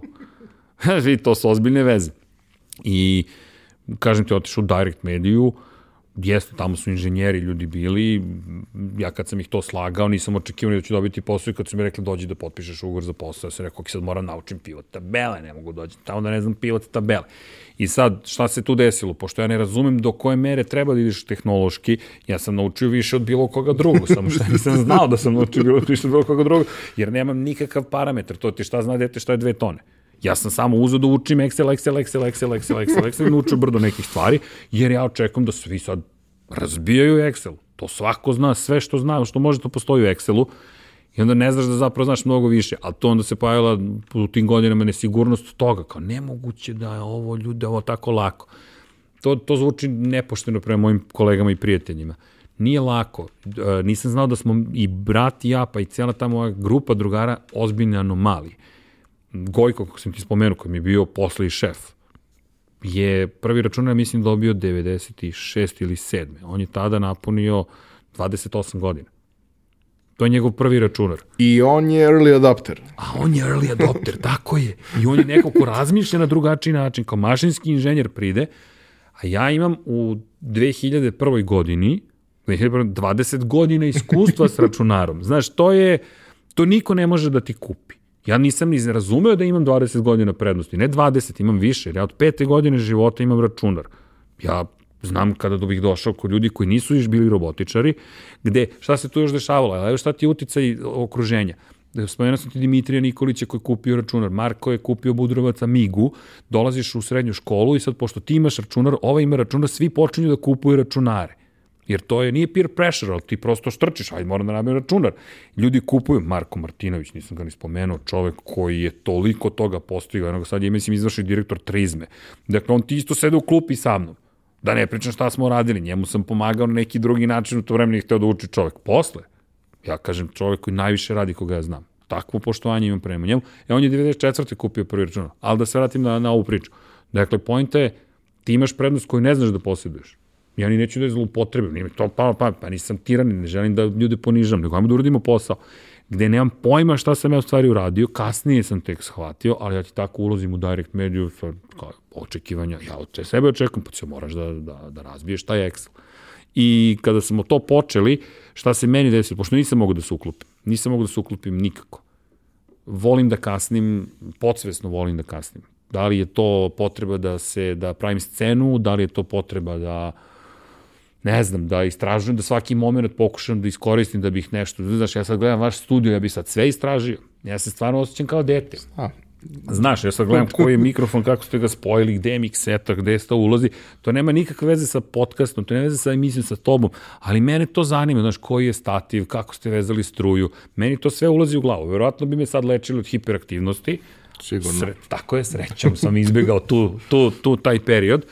I šta se događa? Događa se da zapravo u, u, u cijeloj toj priči ja počinjem da kasnim, da pravim greške koje podsvesno ih negde pravim, koje niko normalno ne pravi, ali isto tako radim neke stvari koje niko drugi nije uradio. Excel, baze podataka, evidencije, programiranje, automatizacija. Automatizacija pogotovo, ali se to desilo takođe da se to tržište baš razvijalo. Dakle, to je 2000, 2001. godina. Padaju sankcije, i spoljni i unutrašnji zid. Dakle, to je period kada George Bush mlađi je potpisao, dakle, koliko ja znam, odluku da se ukidaju sve sankcije Jugoslavije u to vreme, dobijaš neke strane investicije, svašta se tu događa, da ne ulazim u političke, to, to je sad ljudi, ovde je uvek politika svugde, ali pogotovo na ovim prostorima divlja, I, i, ali novac dolazi i to je tržište koje raste sve do 2008. velike globalne krize. Jer do 2008. to raslo eksponencijalno. Koju ulogu ja to igram, ja u tom trenutku nemam ni pojma da igram neku ulogu, ali Direct igra ogromnu ulogu, koji počinje da kupuje na jedan drugi način medije. Suštinski da, u da. tom trenutku to nije postojalo ne, nije uopšte postojalo. kao koncept. Ne. I onda se pojavljuje firma koja dođe i kaže, ok, koliko imate prostora za bilo koji medij, koliko imate prostora, toliko koja je cena, toliko ako kupimo sve koja je cena, i onda rasparčava i to i pravi okay. zaradu na to što si, ok, zarobio si neki novac, ali imaš ekskluzivitet za neke stvari. Pa da, vidi, ono što ja nikad ne nisam znao u toj celoj priči, znaš, meni se, Direct je pre meni bio fantastičan. E, politička konotacija svakako postoji, ja ne bežim od toga, neću uvijati reči svakako, dakle, to je takođe kompanija koja je u tom momentu u vlasništvu Dragana Đilasa, koji je politička ličnost, ali ja sam tog čoveka upoznao jednom, do, pazi, ja se zaposlio, nemam pojma gde sam, znaš, žuti student ti je šef. Ovaži. To je ceo moj komentar na celu priču. Nemam pojma ko je čovjek. Poznato je da ti nisi previše vremena na fakultetu provodio. Ne, apsolutno ne. Ja to ne znam. Nije da bežim od toga. Vidi, ja sam, ja, ja sam generalno bunim uvek protiv koga god da je na vlasti. Bunim se zato što mislim da mora da uradi bolji posao. To je nekako defaultno stanje. Isto je važilo i za Miloševića kada je bio na vlasti. Ja sam išao na proteste. Zašto? Pa znaš kako, da citiram neke moje prijatelje, sad su uspešni ljudi, pa da sad ih ne vraćam, da ih ja ne izlažem nekom nepotrebnom riziku, ajde, ovde se ne psuje, ali zna se šta si ako nisi na protestu. Znaš, to su ljudi koji rade dva posla dnevno, Znaš, niko od nas nije bio bahat, mi smo radili puno. Ali šetaš ulicom i ovo je istinita priča. Čovek šeta ulicom i vidi neke proteste i sad vidiš protest, šta se zbiva, vidiš neka murija napada nekoga, defaultno stanje ti uzimaš kaldrmu i gađaš muriju. Dakle, ja ne pozivam nikoga da to radi, a to je defaultno stanje, bunta. Jednostavno 90. to... 90. PTSD. Tako i ti sad ne, ne, ti vidiš da Murija nekog bije. Ti, defaultno stanje je, vidi... Mi to, protiv njih. Tako je. Znaš, to je takvo stanje. I to su, kažem ti, sad uspešni ljudi koji su deo sistema, ali ti u momentu si antisistemski. I jednostavno ti tako... A ja, pazi, radim za politiku. Znači, sistemski antisistemaš. Sad, da li sam ja cinik ili sam, ne znam, šta god da sam, nemam pojma. Ja sam rekao, vidi ovako, ja moram da zaradim, zaradim ok, nije da radim, jer ako kreneš, i ovo nije racionalizacija nekog zločina, nego svaki dinar koji se zaradi dolar, negde je nešto učinjeno loše da bi se do njega došlo. Dakle, bilo koju firmu sad da uzmeš, neko je negde nešto u procesu rada, istorije, proizvodnje uradio sa nekim ko nije idealan. Ljudi smo, ne da nismo savršeni, nego naproti, to je taj mit u dobrom čoveku. Ali u tom trenutku ja razmišljam, ok, radim, ali ću da uradim moj deo posla kada je reč o protestu. Elem, zapošljen se u firmi koju, pojem, ja sam Dragan, ja sam srđan. Eto, to je ceo naš razgovor i to što ja nosim ranac i on nosi ranac, pa je to kao cool, jer niko ne nosi ranac osim mene i sticam okolnosti vlasnika firma. Ok, ne, šta god to značilo. Ali ti sad počinješ da radiš negde i sad kajmo, sad je ovo ozbiljno, oh, moraš biti ozbiljan čovek, znaš, to. I ti ljudi rade nešto što ja ne znam šta rade. Ja sad znam šta se događalo, ali ja nemam pojma. Što se tiče, e, i ne mislim neke e, čudne radnje, ne, nego u tom kontekstu ideš, kupiš u napred, vidi, to je klasična veleprodaja. Klasična veleprodaja. Kupiš džuture. Ali neko to primenio na medijski sistem. Vidi, ja sam učestvovao u tome, znaš kako, ja sam dobio da radim štampane medije. Print. Print medije. Pa je pričam nešto što, što nikakva nije tajna, znaš, to, to su Možda je nekom nepoznato. Šta sam ja dobio da radim print medije, znaš zašto? Nisu znali šta će sa mnom. Nisu hteli da me otpuste, ali ne radim ono što se od mene očekivalo. Nisam klasičan media planer, nisam account manager, nemam tu ambiciju, ne gazim po ljudima, ne potpisujem tuđe radove kao svoje što se događalo. Znaš, meni to strano, to, to je jednostavno amoralno, neću to da radim. Znaš, nemam tu taj koncept u svojoj glavi i i bunim se protiv autoriteta, to smo već absolvirali. I sad šta će sam? U sobicu. U sobicu. I daš mi šta? Najmanji mediji u tom trenutku. S izuzetkom radija, ali radio neki elektronski medij, to, to po defaultu ide, te imaš B92, te imaš radio televiziju Beograd, to je RTS, ne, neke veze postoje. Imaš lokalne medije, ali to nekako se kroz anem završava i tako dalje. Ajmo da damo Ercegu šta? Štampane medije. Okej. Okay. I to da kažemo, to je isto period u kome počinje ekspanzija časopisa, Jeste. raznih stvari koji u tom trenutku suštinski vrlo malo je bilo. Pa vidi, vraćamo se na moje detinstvo. Ja sam odrastao pored tate u, u zgradi borbe, pored štampara. Znaš, to je miris olova to, su, to se danas ne radi, ali to ja gledam u filmovima, meni se meni to flashback u detinjstvo, jer ti si morao da znaš da čitaš naopačke, jer kad odštampaju slog, kada od olova to izliju ili slože slagač, a, on slaže, razumiješ, to je, a, on složi i onda se pravi ja sad ne znam ni kako se to više zove, pravi se bukvalno matrica neka, znači otisak i taj otisak posle ide na štampu i to se štampa i ti sad gledaš naopačke, a kako sam pametan, znam da čitam naopačke, pa opet razviješ neku, ne, nešto u glavi, nemaš ti pojme šta si razvio. I dolazi period kada meni neko spominje štampane medije. Meni je to izlaz da ne ostanem bez posla jer tu se osjećam dobro, tu plivam, to, to mogu da razumem. Ovo sve ostalo mi je tako strah. Znaš, da ne imenujem sad klijenta, ali imao sam situacije, tu se radi s velikim klijentom, meni je da telefon vlasnika jedna od najvećih firmi u Srbiji koja proizvodi konditorske proizvode, zovi njega. Nemam pojma ko je čovjek. Vidio sam, tu sam stvarno geek. Kao zovi ga. Ja kažem, važi, zovem ga. I recimo da ne može da se emituje u nekom bloku reklama. Kao zašto? Pa tako, tako. Jednostavno ne može pravi politika kompanije ja zovem vlasnika ni manje ni više firme i kažem ne možete da emitujete u tom bloku. Što? To je politika kompanije. On kaže važi, emitujte nešto drugo. I onda je neko od mojih šefova saznao da sam ga ja zvao. Kolaps sistema. Kako si mogu njega da zoveš? Pošto on čovjek najnormalnije reagovao. Ali to ti je taj sad strah, znaš, poltronizacija, autopoltronizacija, znaš, bolje da ne rizikujemo. Ja, oni su imao taj stav, niti mi iko ništa dira, samo su se plašili da neću da lupim neku glupost. Ali to ti je tako, vrlo sam iskren, znaš, ti, ti, ti ljudi su mene pokušavali nekako da uklope u sistem. Ja njih ne krivim, ne krivim ni sebe. Vidi, to je jednostavno misfit na neki način. Od malih nogu, verovatno. Ali, kažem ti, u srednjoj školi sam imao fit. Ali na mnogim mestima prosto taj, ta, to, to šta god da, da, da imam je bilo znaš, i dobro i loše. E sad, gde je bilo dobro kad su me bacili u štampane medije, pričamo o biznisu sada.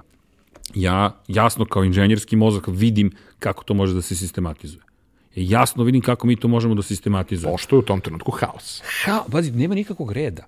Pazi, tebi dolazi jedna burda u tom momentu, dakle, posle to postalo Adria Media, posle to sad ne znam više nikako, ne znam ni ko je, koja je firma, ali burda ti je bila m, sa Lisom, ne znam da se neko seća Lisa magazina, Sandi Apostoliju, to je čovjek iz Rumunije, sećam se imena, je bilo specifično u tom momentu, koji dolazi i niko neće da ga sasluša od agencija.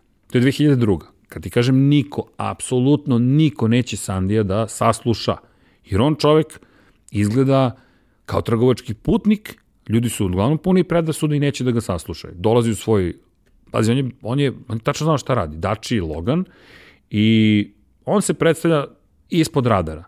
Bukvalno ispod radara, pa da vidi s kim može da radi, ko će da shvati šta taj čovjek. On me dolazi i kaže, ja predstavljam burdu. Vidi, ja padam u nesvest. Moja mama, baka, burda, to zna se šta je burda. Ako potičeš iz porodice koja je opterećena štampom i papirom. Burda, to je neverovatna stvar. I on dolazi i ja kažem, vi ste iz burde. On kaže, da. Ja kažem, wow, jel uvodite burdu? On kaže, ne, zašto bih uvodio burdu? Uvodim lisu. Kako crna lisa, šta je lisa? Ne znam ja u tom momentu koncept to. Masovno, štampaj, šareno, veselo, lepo, prodaj, pričam vrlo otvoreno, a to ti istovremeno oglasni prostor. Pa znači štampa nekih 200-250 hiljada primjeraka i to se prodavalo, jer u tom momentu napaćena zemlja, stalno je nešto napaćena, dobija neki šareniš koji je jeftin, kupuješ ga na izlazu iz prodavnice i to se prodaje. I ljudi... I nemaš 18 takvih magazina, nemaš jedan. jedan.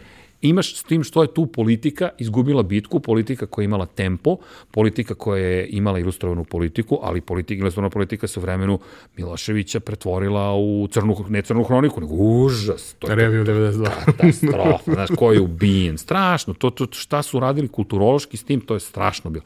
Tempo je jedini sportski magazin, evo, još uvijek nemamo redovan sportski magazin, nedeljnik, koji izlazi. Imao si politički zabavnik, svet kompjutera. Miki Miki zabavnik. Kad pogledaš portfolio, to se sad tako zove, kad pogledaš koliko izdanja imala politika, šta je sve radila, TV revija, 7 TV dana, magazinu kao dodatak u politici, to su nestvarne, nestvarni brojke i, i, i, i, i čitanost je bila izuzetna. Ali, ajmo samo, samo kratko, jer ovo jeste ozbiljan biznis. Sada ovo nikad nisam ni pričao zapravo o ozbiljnosti tog dela biznisa. Danas kako funkcioniše postoji, nemam predstavu. Ali kako je to funkcionisalo? Dolazi ti neki čovek i kaže ti ja predstavljam burdu. Ti kažeš lisa, šta lisa? Nemam pojma šta je lisa. Pada na pamet, pazi, taj model, aha, dolazi lisa. Pazi, ja sam ambiciozan čovjek, odmah se razumem. Ja volim da pobeđujem. To, to znaju i moji prijatelji. Čak i decu teško puštam. Evo, napredovo sam toliko da ću povremeno decu da pustim da pobede ali realno ne volim da puštam čak ni decu da pobeđuju. Znači, vrlo sam iskren. A, pa znaš o čemu pričam. Jeste me da. zvali da se igramo.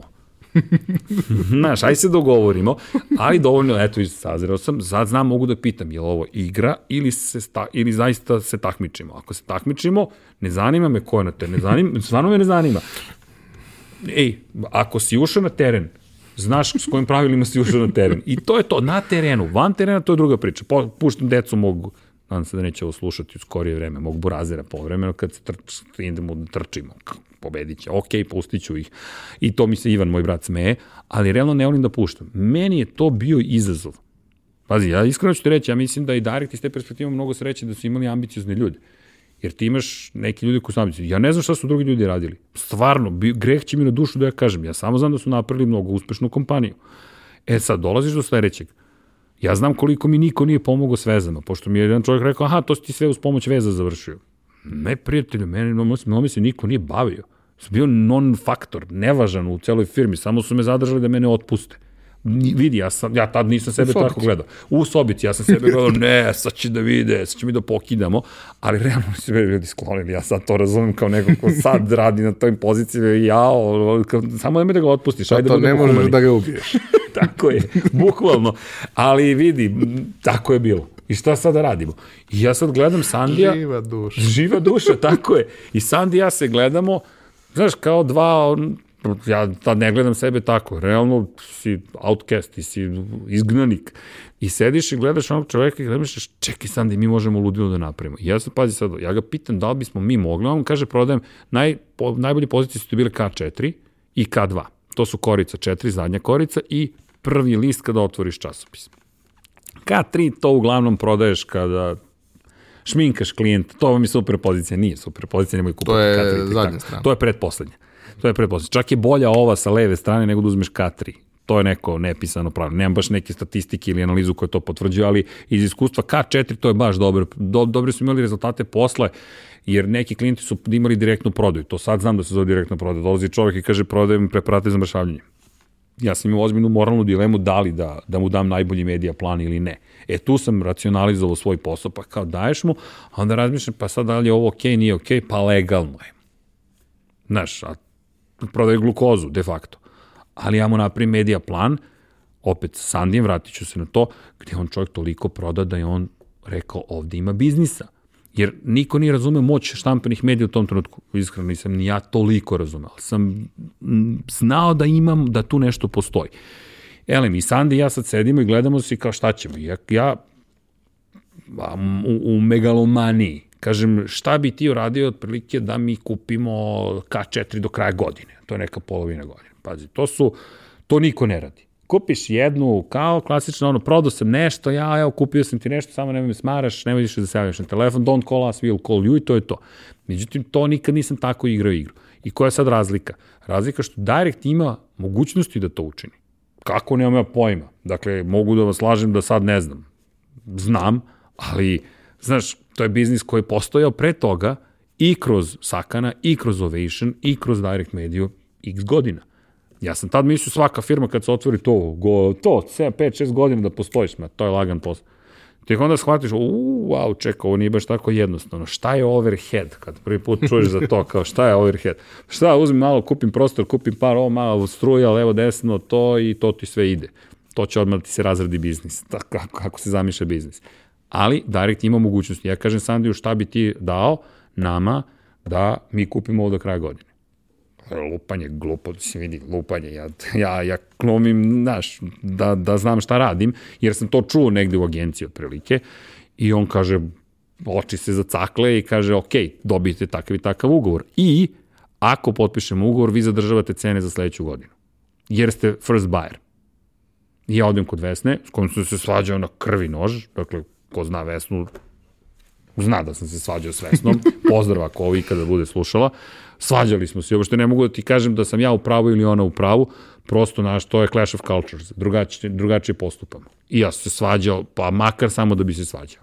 Kako god, bio sam kažnjavan redovno, tako sve bilo okej, okay, ali Vesna me podržala u biznisu.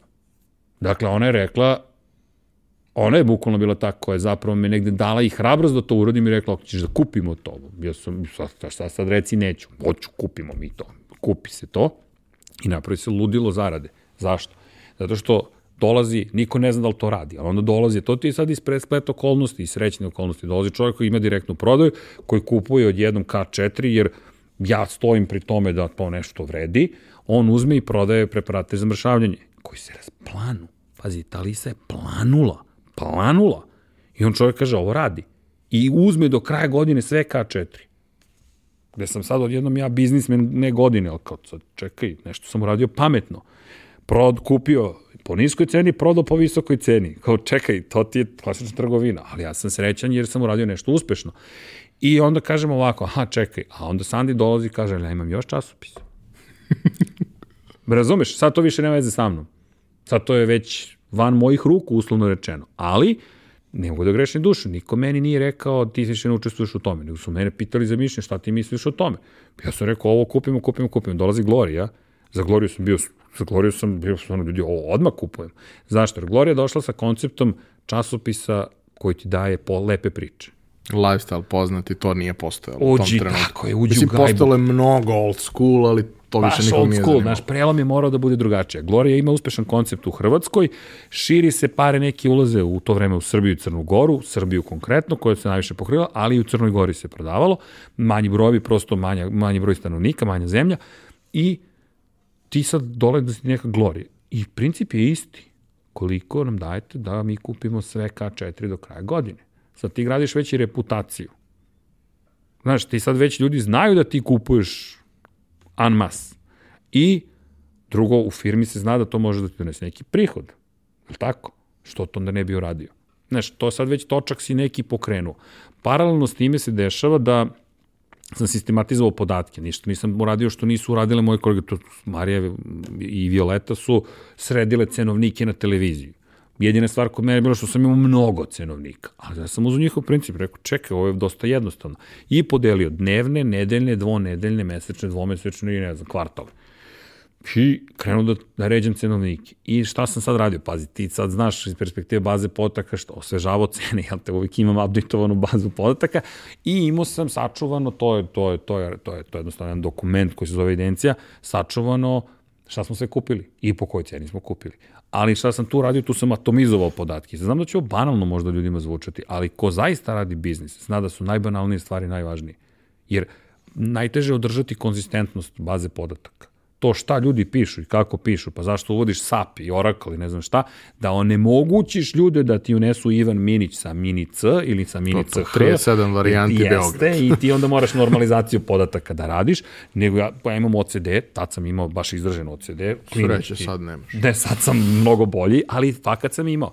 De kad se to izrazi kroz tabele, te tabele, znaš kako, mnogo toga je neuredno u mom životu, ali tabela da mi bude neuredna. A, a to kao moj brat kad kaže, vidi, može soba da mi bude neuredna neki programerski kod. Znaš, kod njega je kod, kod mene su tabele. I to se zna. Ne kreće tabela od C4, kreće od A1. Nema, ne razumim diskusiju uopšte. Kako može da ostaviš prazan red gore, pa da bi se lepše videlo? Molim. Znaš, to je, to je neprihvatljivo za mene. Stvarno, meni to neprihvatljivo. I tako je bila sređena ta evidencija i onda počinješ da pratiš. Nema pojma u suštini dalje kako se to zove. Pa onda sam kasnije, par godina kasnije, tu ti skačem, pošto stalno ponavljaš unos istih podataka, rekao, ovo je besmisleno, to kad se vrati iz vojske. 2003. sam otišao u vojsku. Ali šta hoću ti kažem, kad je došao Sandi, inače, e, to, to niko ne zna, možda, možda samo Sandi i ja. E, zahvaljujući tome što sam mu pričao toliko o burdi, uzeo i lokalizovao burdu za srpsko tržište, što nije bio plan burde. Ali sam ga gnjavio kako mora da uzme burdu, mora da uzme burdu, mora da uzme burdu. Znači, šta hoću da ti kažem? Koliko neki razgovor koji deluje banalno, zahvaljujući tome što su moja baka i mama od uvek volale burdu, dovede do toga da neko koji, pazi sad ovo, mene saslušao, vraćam se na početak, sasluša i sagovornika, saslušao i napravio biznis burdi, nisam dobio ništa za to, to se često dešava i tebi i meni, dakle, skažeš nešto pametno i onda shvatiš posle da se to zove konsultanti, onda naučiš i da ćutiš povremeno. Ili ne. Ili ne, zavisi ko je preko puta. Ali, ili koliko si se zaneo. U svakom slučaju, znaš, ti dolaziš do, do nekog biznis modela koji je dosta jednostavan, a onda dolaze nove izdavačke kuće, dolazi, ne znam, Atika Medija, slični su principi, pri čemu klijenata je sve više i više. E sad, šta se događa? Ja taj deo priče ne znam, ali sam posle shvatio taj deo priče. Account menadžeri, ceo accountski sektor počinje da podržava print medije, zato što je management rekao e, ovde ima biznisa. Šta hoću ti kažem? Direct je izuzetno organizovan sistem bio. I ja to nisam razumeo, meni to se podrazumeo. Ja sam bio u sobici. Tako je, ja sam u, ja sam u svoj sobici, ja cepam u svom filmu. Ali činjenica je da odjedno meni dolaze naručbine od mojih account menadžera. Što ja podrazumem da je normalno. Ne, nije. Neko je na management nivou rekao, ok, ovo je isplativo za nas, istovremeno klijente ne varaš, jer ti im daješ neku čitanost koja zaista postoji. Daješ im rezultat. Tako je, što je najluđe od svega, mi tada, to se sad u, na internetu, u internetu se zove performance marketing, smo radili performance marketing. Nama je taj oglašivač sa, bukvalno, sa prodajom direktnom, da li preparata za mršavljanje ili nečeg drugog, davao povratne informacije kako mu ide prodaja. I mi smo znali bukvalno neki lifetime value za proizvod, ne, nismo ga tako merili niti zvali, ali zna se, on ide, ide, ide, posle dva meseca to počinje da tone. I ti znaš da je njegov životni ciklus za preparat za mršavljanje pri čemu on samo promeni naziv i doda mu drugi broj prepakuje, to je glukoza, uglavnom legalno je sve, međutim ljudi, ako hoćete da smršate, ne znam, morate drugačije da pristupite. Ti ja znamo, ja sam trenutno uspeo time da ovladam, ali, ali fakat je, to traži neviđenu disciplinu koju je teško održati i onda idete gore dole. Ali, ti preparati teško će vam pomoći. Mislim, da se ne lažemo. Može da vam pomogne, to je šećer. Ali tako što vam kaže pi 5 litara vode dnevno, doručkoj, smanji ručak i propusti večer. To piše u putstvu. I onda ne moraš ni da ga piješ. Vidi, glukoza. Imaćeš malo šećera čisto da, da ne umreš ako se zaneseš i to ti je to. Ali bukvalno to je to. Ali smo imali čudne pozive, pozove agenciju neko i kaže da li ću ja da se, ugu, da li mogu ovo da, da li će poništeni biti efekt ako pojedem celu tortu. Ja kažem, ne, morate da pozovete proizvođača. Ali dobro, ne znam kako je došao do mog telefona. No, činjenica je da, da, da smo onda krenuli da razvijamo biznis. Zašto ti to pričam? Zato što iz moje perspektive, ja, ne, ja znam da negde razvijam neki biznis, ali ja zapravo ne znam sve točkići koji se tu vrte. I ovo ti sad pričao o, iz moje perspektive, ja ulazim u neke sukobe koje ja danas ne bih nužno mogu sebi da opravdam. Ko je u pravo, nije u pravo, jer ja vidim samo svoju sobicu, samo svoju stranu priče. I ko zna koliko sam bio težak i saradnicima i drugima, Znaš, nije to je, ti znaš, i koliko god je šala je istina. Nema znaš, veze, danas je super. Da, danas sam, danas sklonio sam se, da. Ali činjenica je da, da, da s jedne strane sam stvarno radio neki dobar posao, s druge strane nije, zaista nije bilo lako. Nije bilo lako, Ali se vraćam na tehnologiju. Često se dešavalo da dobijemo oglas koji nije dobar, pa onda otvorim Photoshop, pa to sredim. Znaš, kad danas vidim oglase za posao, ja zaista mislim da nekog treba uhapsiti kad izbaci oglas za posao, zaista, u kojem piše, pa ne znam, samo Corel Draw još nisu ubacili otprilike, ali to se sad zove Adobe Illustrator zapravo. Sad, da znaš Illustrator, da znaš Quark Express, to je neko iz old school, jel te, fenomena. Photoshop se podrazumeva, malo premijera, pošto sad svi obrađuju video, jel te, After Effects, čisto da možeš da ubaciš još neki dodatni moment u celu priču. Eh, Excel, apsolutno, ceo Office paket, nema znaš što ni ne znaš šta je Office, pa, do, tako je, i to onda te mi angažujemo da budeš asistent. Pa ne, ti, to, to je nemoguće. Znaš, e sad sticam okolnosti, ja sam to radio jer sam, jel te, odrastao sa okruženim računarima. Ali onda meni dođe oglas od klijenta, misliš da ga vratim kreativnoj agenciji? Ne. Otvoriš Photoshop, ovog i središ. Da, to je recimo, sećam se u jednom kratkom periodu kad sam ja nešto radio sa, sa printom više, ono, kao pomoć prijateljima nego što me to nešto zanimalo, da je to bio taj moment, ono kao jebeš mu mater sve to manje više istog formata ali ni jedan magazin nema isti format nema. oglasa. Nema. To je pomereno ono kao, nema. znaš, 5 mm, 3 mm, ali moraš da sedneš da prilagodiš da ne bi imao bi imao to što dobiješ ponekad. Užasno, pa da. Pa da, onda moraš da naučiš kako se seče papir, koliki, znaš, ja sam odrastao, kažem ti, u štampari, pa sam dosta toga znao po defaultu, ali ništa to nisam naplaćivao, čak i kad me klijent pita, da ti to platim, ja kažem, ne, pa to je sramota da vam naplatim. Vidi, možemo da se lažemo, kao sramota, šta je, to je biznis, ali meni kao, pa to je 5 minuta posla. Nemojte pocenjati svoj posao, to nije 5 minuta posla, to je 20 godina posla. Jer moji roditelji, svi koji su mene uložili, svi koji su me obrazovali... Svi koji ste trpeli. Tako je, koji su me trpeli, bravo. Ali jeste, to je 20 godina posla da bih ja to mogu da uradim relativno brzo. Ne, nije to sat ili pola sata. I ne plaća čovjek pola sata, plaća svo moje iskustvo, znanje i rezultat koji će dobiti. U vremenu u kojem će ga dobiti. Ali to danas znam. Znaš, mi smo odrasli, pričao sam ti o šampitama, što neka deca sa ulice. Bukvalno, da nas je razredni, mi ga zovemo razredni Dušan Milovanović, hvala mu, čuvao od, od svega tog, svog tog ludila. Svi ti profesori su nas čuvali na neki način, ali pogotovo on. Znaš, mi nismo sistematizovani, odrastali ili učeni da, da funkcionišemo u sistemima. Klasični anarhisti, to, to, to, učeni smo da budemo pošteni ljudi, da se trudimo da budemo pošteni, ali suštinski to je na sve strane, to je haos. I isto se ovde dešavalo, gde kako neko možete razumjeti kad ste haos. Bukvalno haos. I onda dođe tako nešto i ti to središ, kao to je lepimo to posle. Mada sam imao jednu situaciju, poslali su nam za jednu veliku kompaniju koja je i danas aktivna na teritoriji Srbije kampanju i ja nisam smanjio lik manekinke, vidi se samo njena glava, uopšte se ne vidi ni odeća ni obuća i poslali smo to klijentu kao dokaz da je sve očetno, su rekli super. Tako da, e, Ivane, svašta zna da se desi u poslu. Kad sam video glavu, pazi, ja ne mogu da nadokrenim tu štetu. Gledam glavu i logotip i sajt se pojavio, ako gledam, rekao, Rekao, što sad? Ništa, spakuješ, lepo pošalješ klijentu i kažeš... To niko ne gleda. Hvala, verova, ne znam, ali to je prvi put da sam rekao ja, vala, ne mogu više, jer sam tad pravio sam greške, nisam znao da kažem ne. Ne mogu, treba mi pomoć. Sreće pa se to promenio. Da, to se baš promenilo. Ali zaista nisam, ta, ta, ta, to je najveća greška koju sam pravio. Mogu ja to. Ne možeš. I to je u redu da ne možeš. Zamoli za pomoć. E to me Gojko učio jadan čovjek, 15 godina, dok me nauči da kaže me treba mi pomoć. A da to nije znak slabosti. Da nisi slabić zato što nešto ne možeš u 24 časa da spakuješ. A, u kom trenutku odlaziš iz te priče i šta je presek stanja u tom trenutku? Pa vidi presek stanja, čak mislim danas je prošlo koliko, 12 godina od kad sam otišao iz Directa, dakle to je krenulo, ne znam koja cifra bila, ali znam da je bilo 4000 oglasa da smo imali godišnje i da, da se to ja vodio, kasnije došao Slaven koji danas vodi taj sektor, ali to je, ako pričamo o brojkama, valjda smemo ovo da kažem, ako me tuže, tužit će me, a 5 miliona evra je bio promet, print media sektor, koji sam ja vodio. Ja, meni to bilo ponosno. Od suštinski nula. Pa, suštinski da, od jednog, jednog usputnog posla.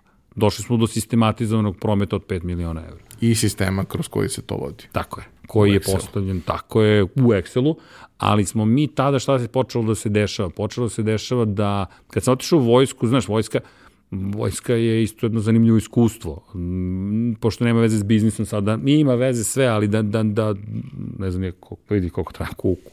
Ali dobro, ali da, ali dobro. A, poenta je sledeći, kad se vratio iz vojske, taj sektor se bio dosta raspao.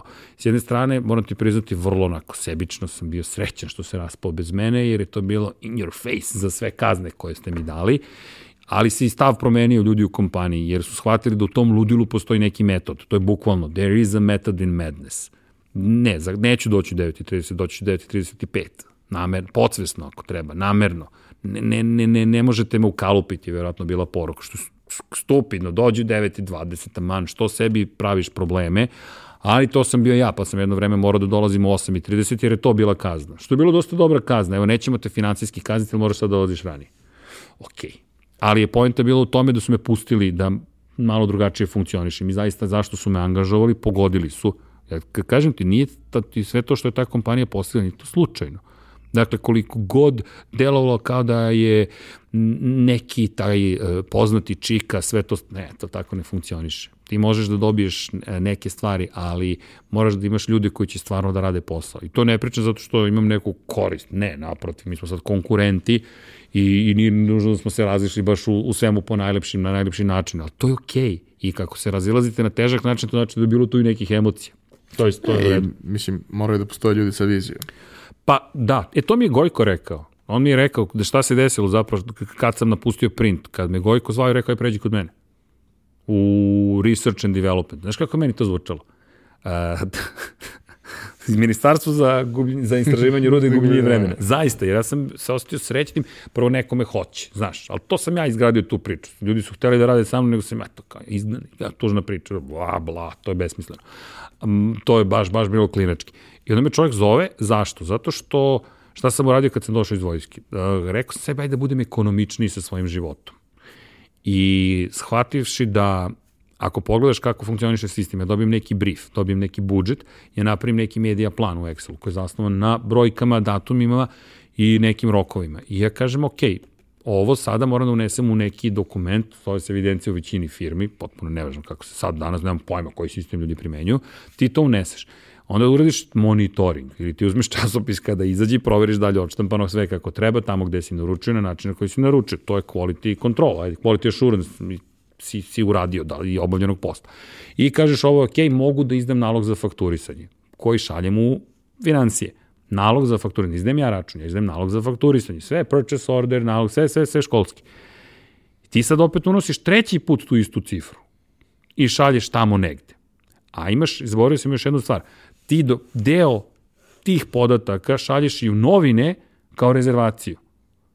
I do čega mi dolazimo? Do toga da ja pišem isto u media plan, u rezervaciju, u evidenciju, u nalog za fakturisanje.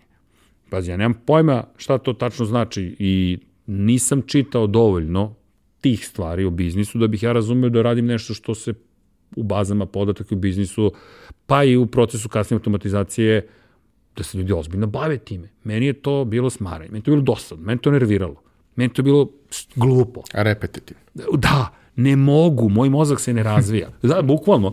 I sedimo, Slaven i ja smo tad radili i kao šta ću da radim? Čekaj, nisam se dotakao makroa u Excelu. Znam da ne mogu da izađem iz Excela, ne mogu u Access, pitao sam da li mogu da pređem na Access, kao ne možeš da pređeš na Access, počeo nešto da radim u Accessu i rekao, ok. Jedina baza potreka za koju ja znam u tom trenutku, ja nemam pojma, pazi, ja sam priučen. I ja kažem, dobro, Excel, ajmo da vidimo makroje. Um, vidiš, nimiš makro, onda ono, pa, aha, apsolutni referent, online je počeo još nešto i da funkcioniše, kupiš u mikroknjizi, jel te, Excel Bibliju i imaš poglavlje makroji, pozdrav za izdavače, me, stvarno mnogo zlata su izdali stvari i, i mikroračunari i sve ostalo i ti kažeš čekaj, sad ću da naučim ove makroje. Ali neću samo da naučim jer ne želim da kliknem gore, to je Coja imao tu viziju, ka, samo šonje koriste miša, znaš, samo tastatura. Jer kako koristiš miša ti, da, da, da, ti si slabić, ti si, nisi Jedi. I onda naravno imao sam skraćenicu G, to mi je bila skraćenica, to ne se ne koristi u Excelu, možda danas se koristi. I šta smo mi radili? Napravili smo sistem gde smo automatizovali unos u evidenciju, izdavanje, fakt, izdavanje naručbenica i naloga za fakturisanje. Ostala mi je nerešena veza između medija plana i unosa i to sam kasnije rešio, nešto drugo sam radio, pričat ću ti ako im budemo stigli. I poenta je, pa da, i poenta je bila u tome da da smo da da sam napravio sistem koji automatizuje taj gomilu posla nema pojme šta sam uradio, ali znam da je zabavno bilo kad, dođe, kad dođu nalazi za fakturisanje, tad je PDV išao do 10. u mesecu, ti do 5. moraš da izaš sve nalogi.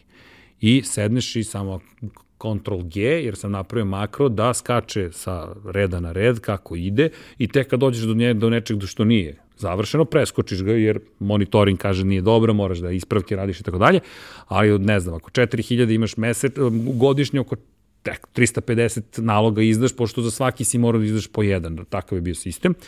I ti se treba kucaš 350 komada. Vidi, pola firme umire, nas dvojica Ctrl G.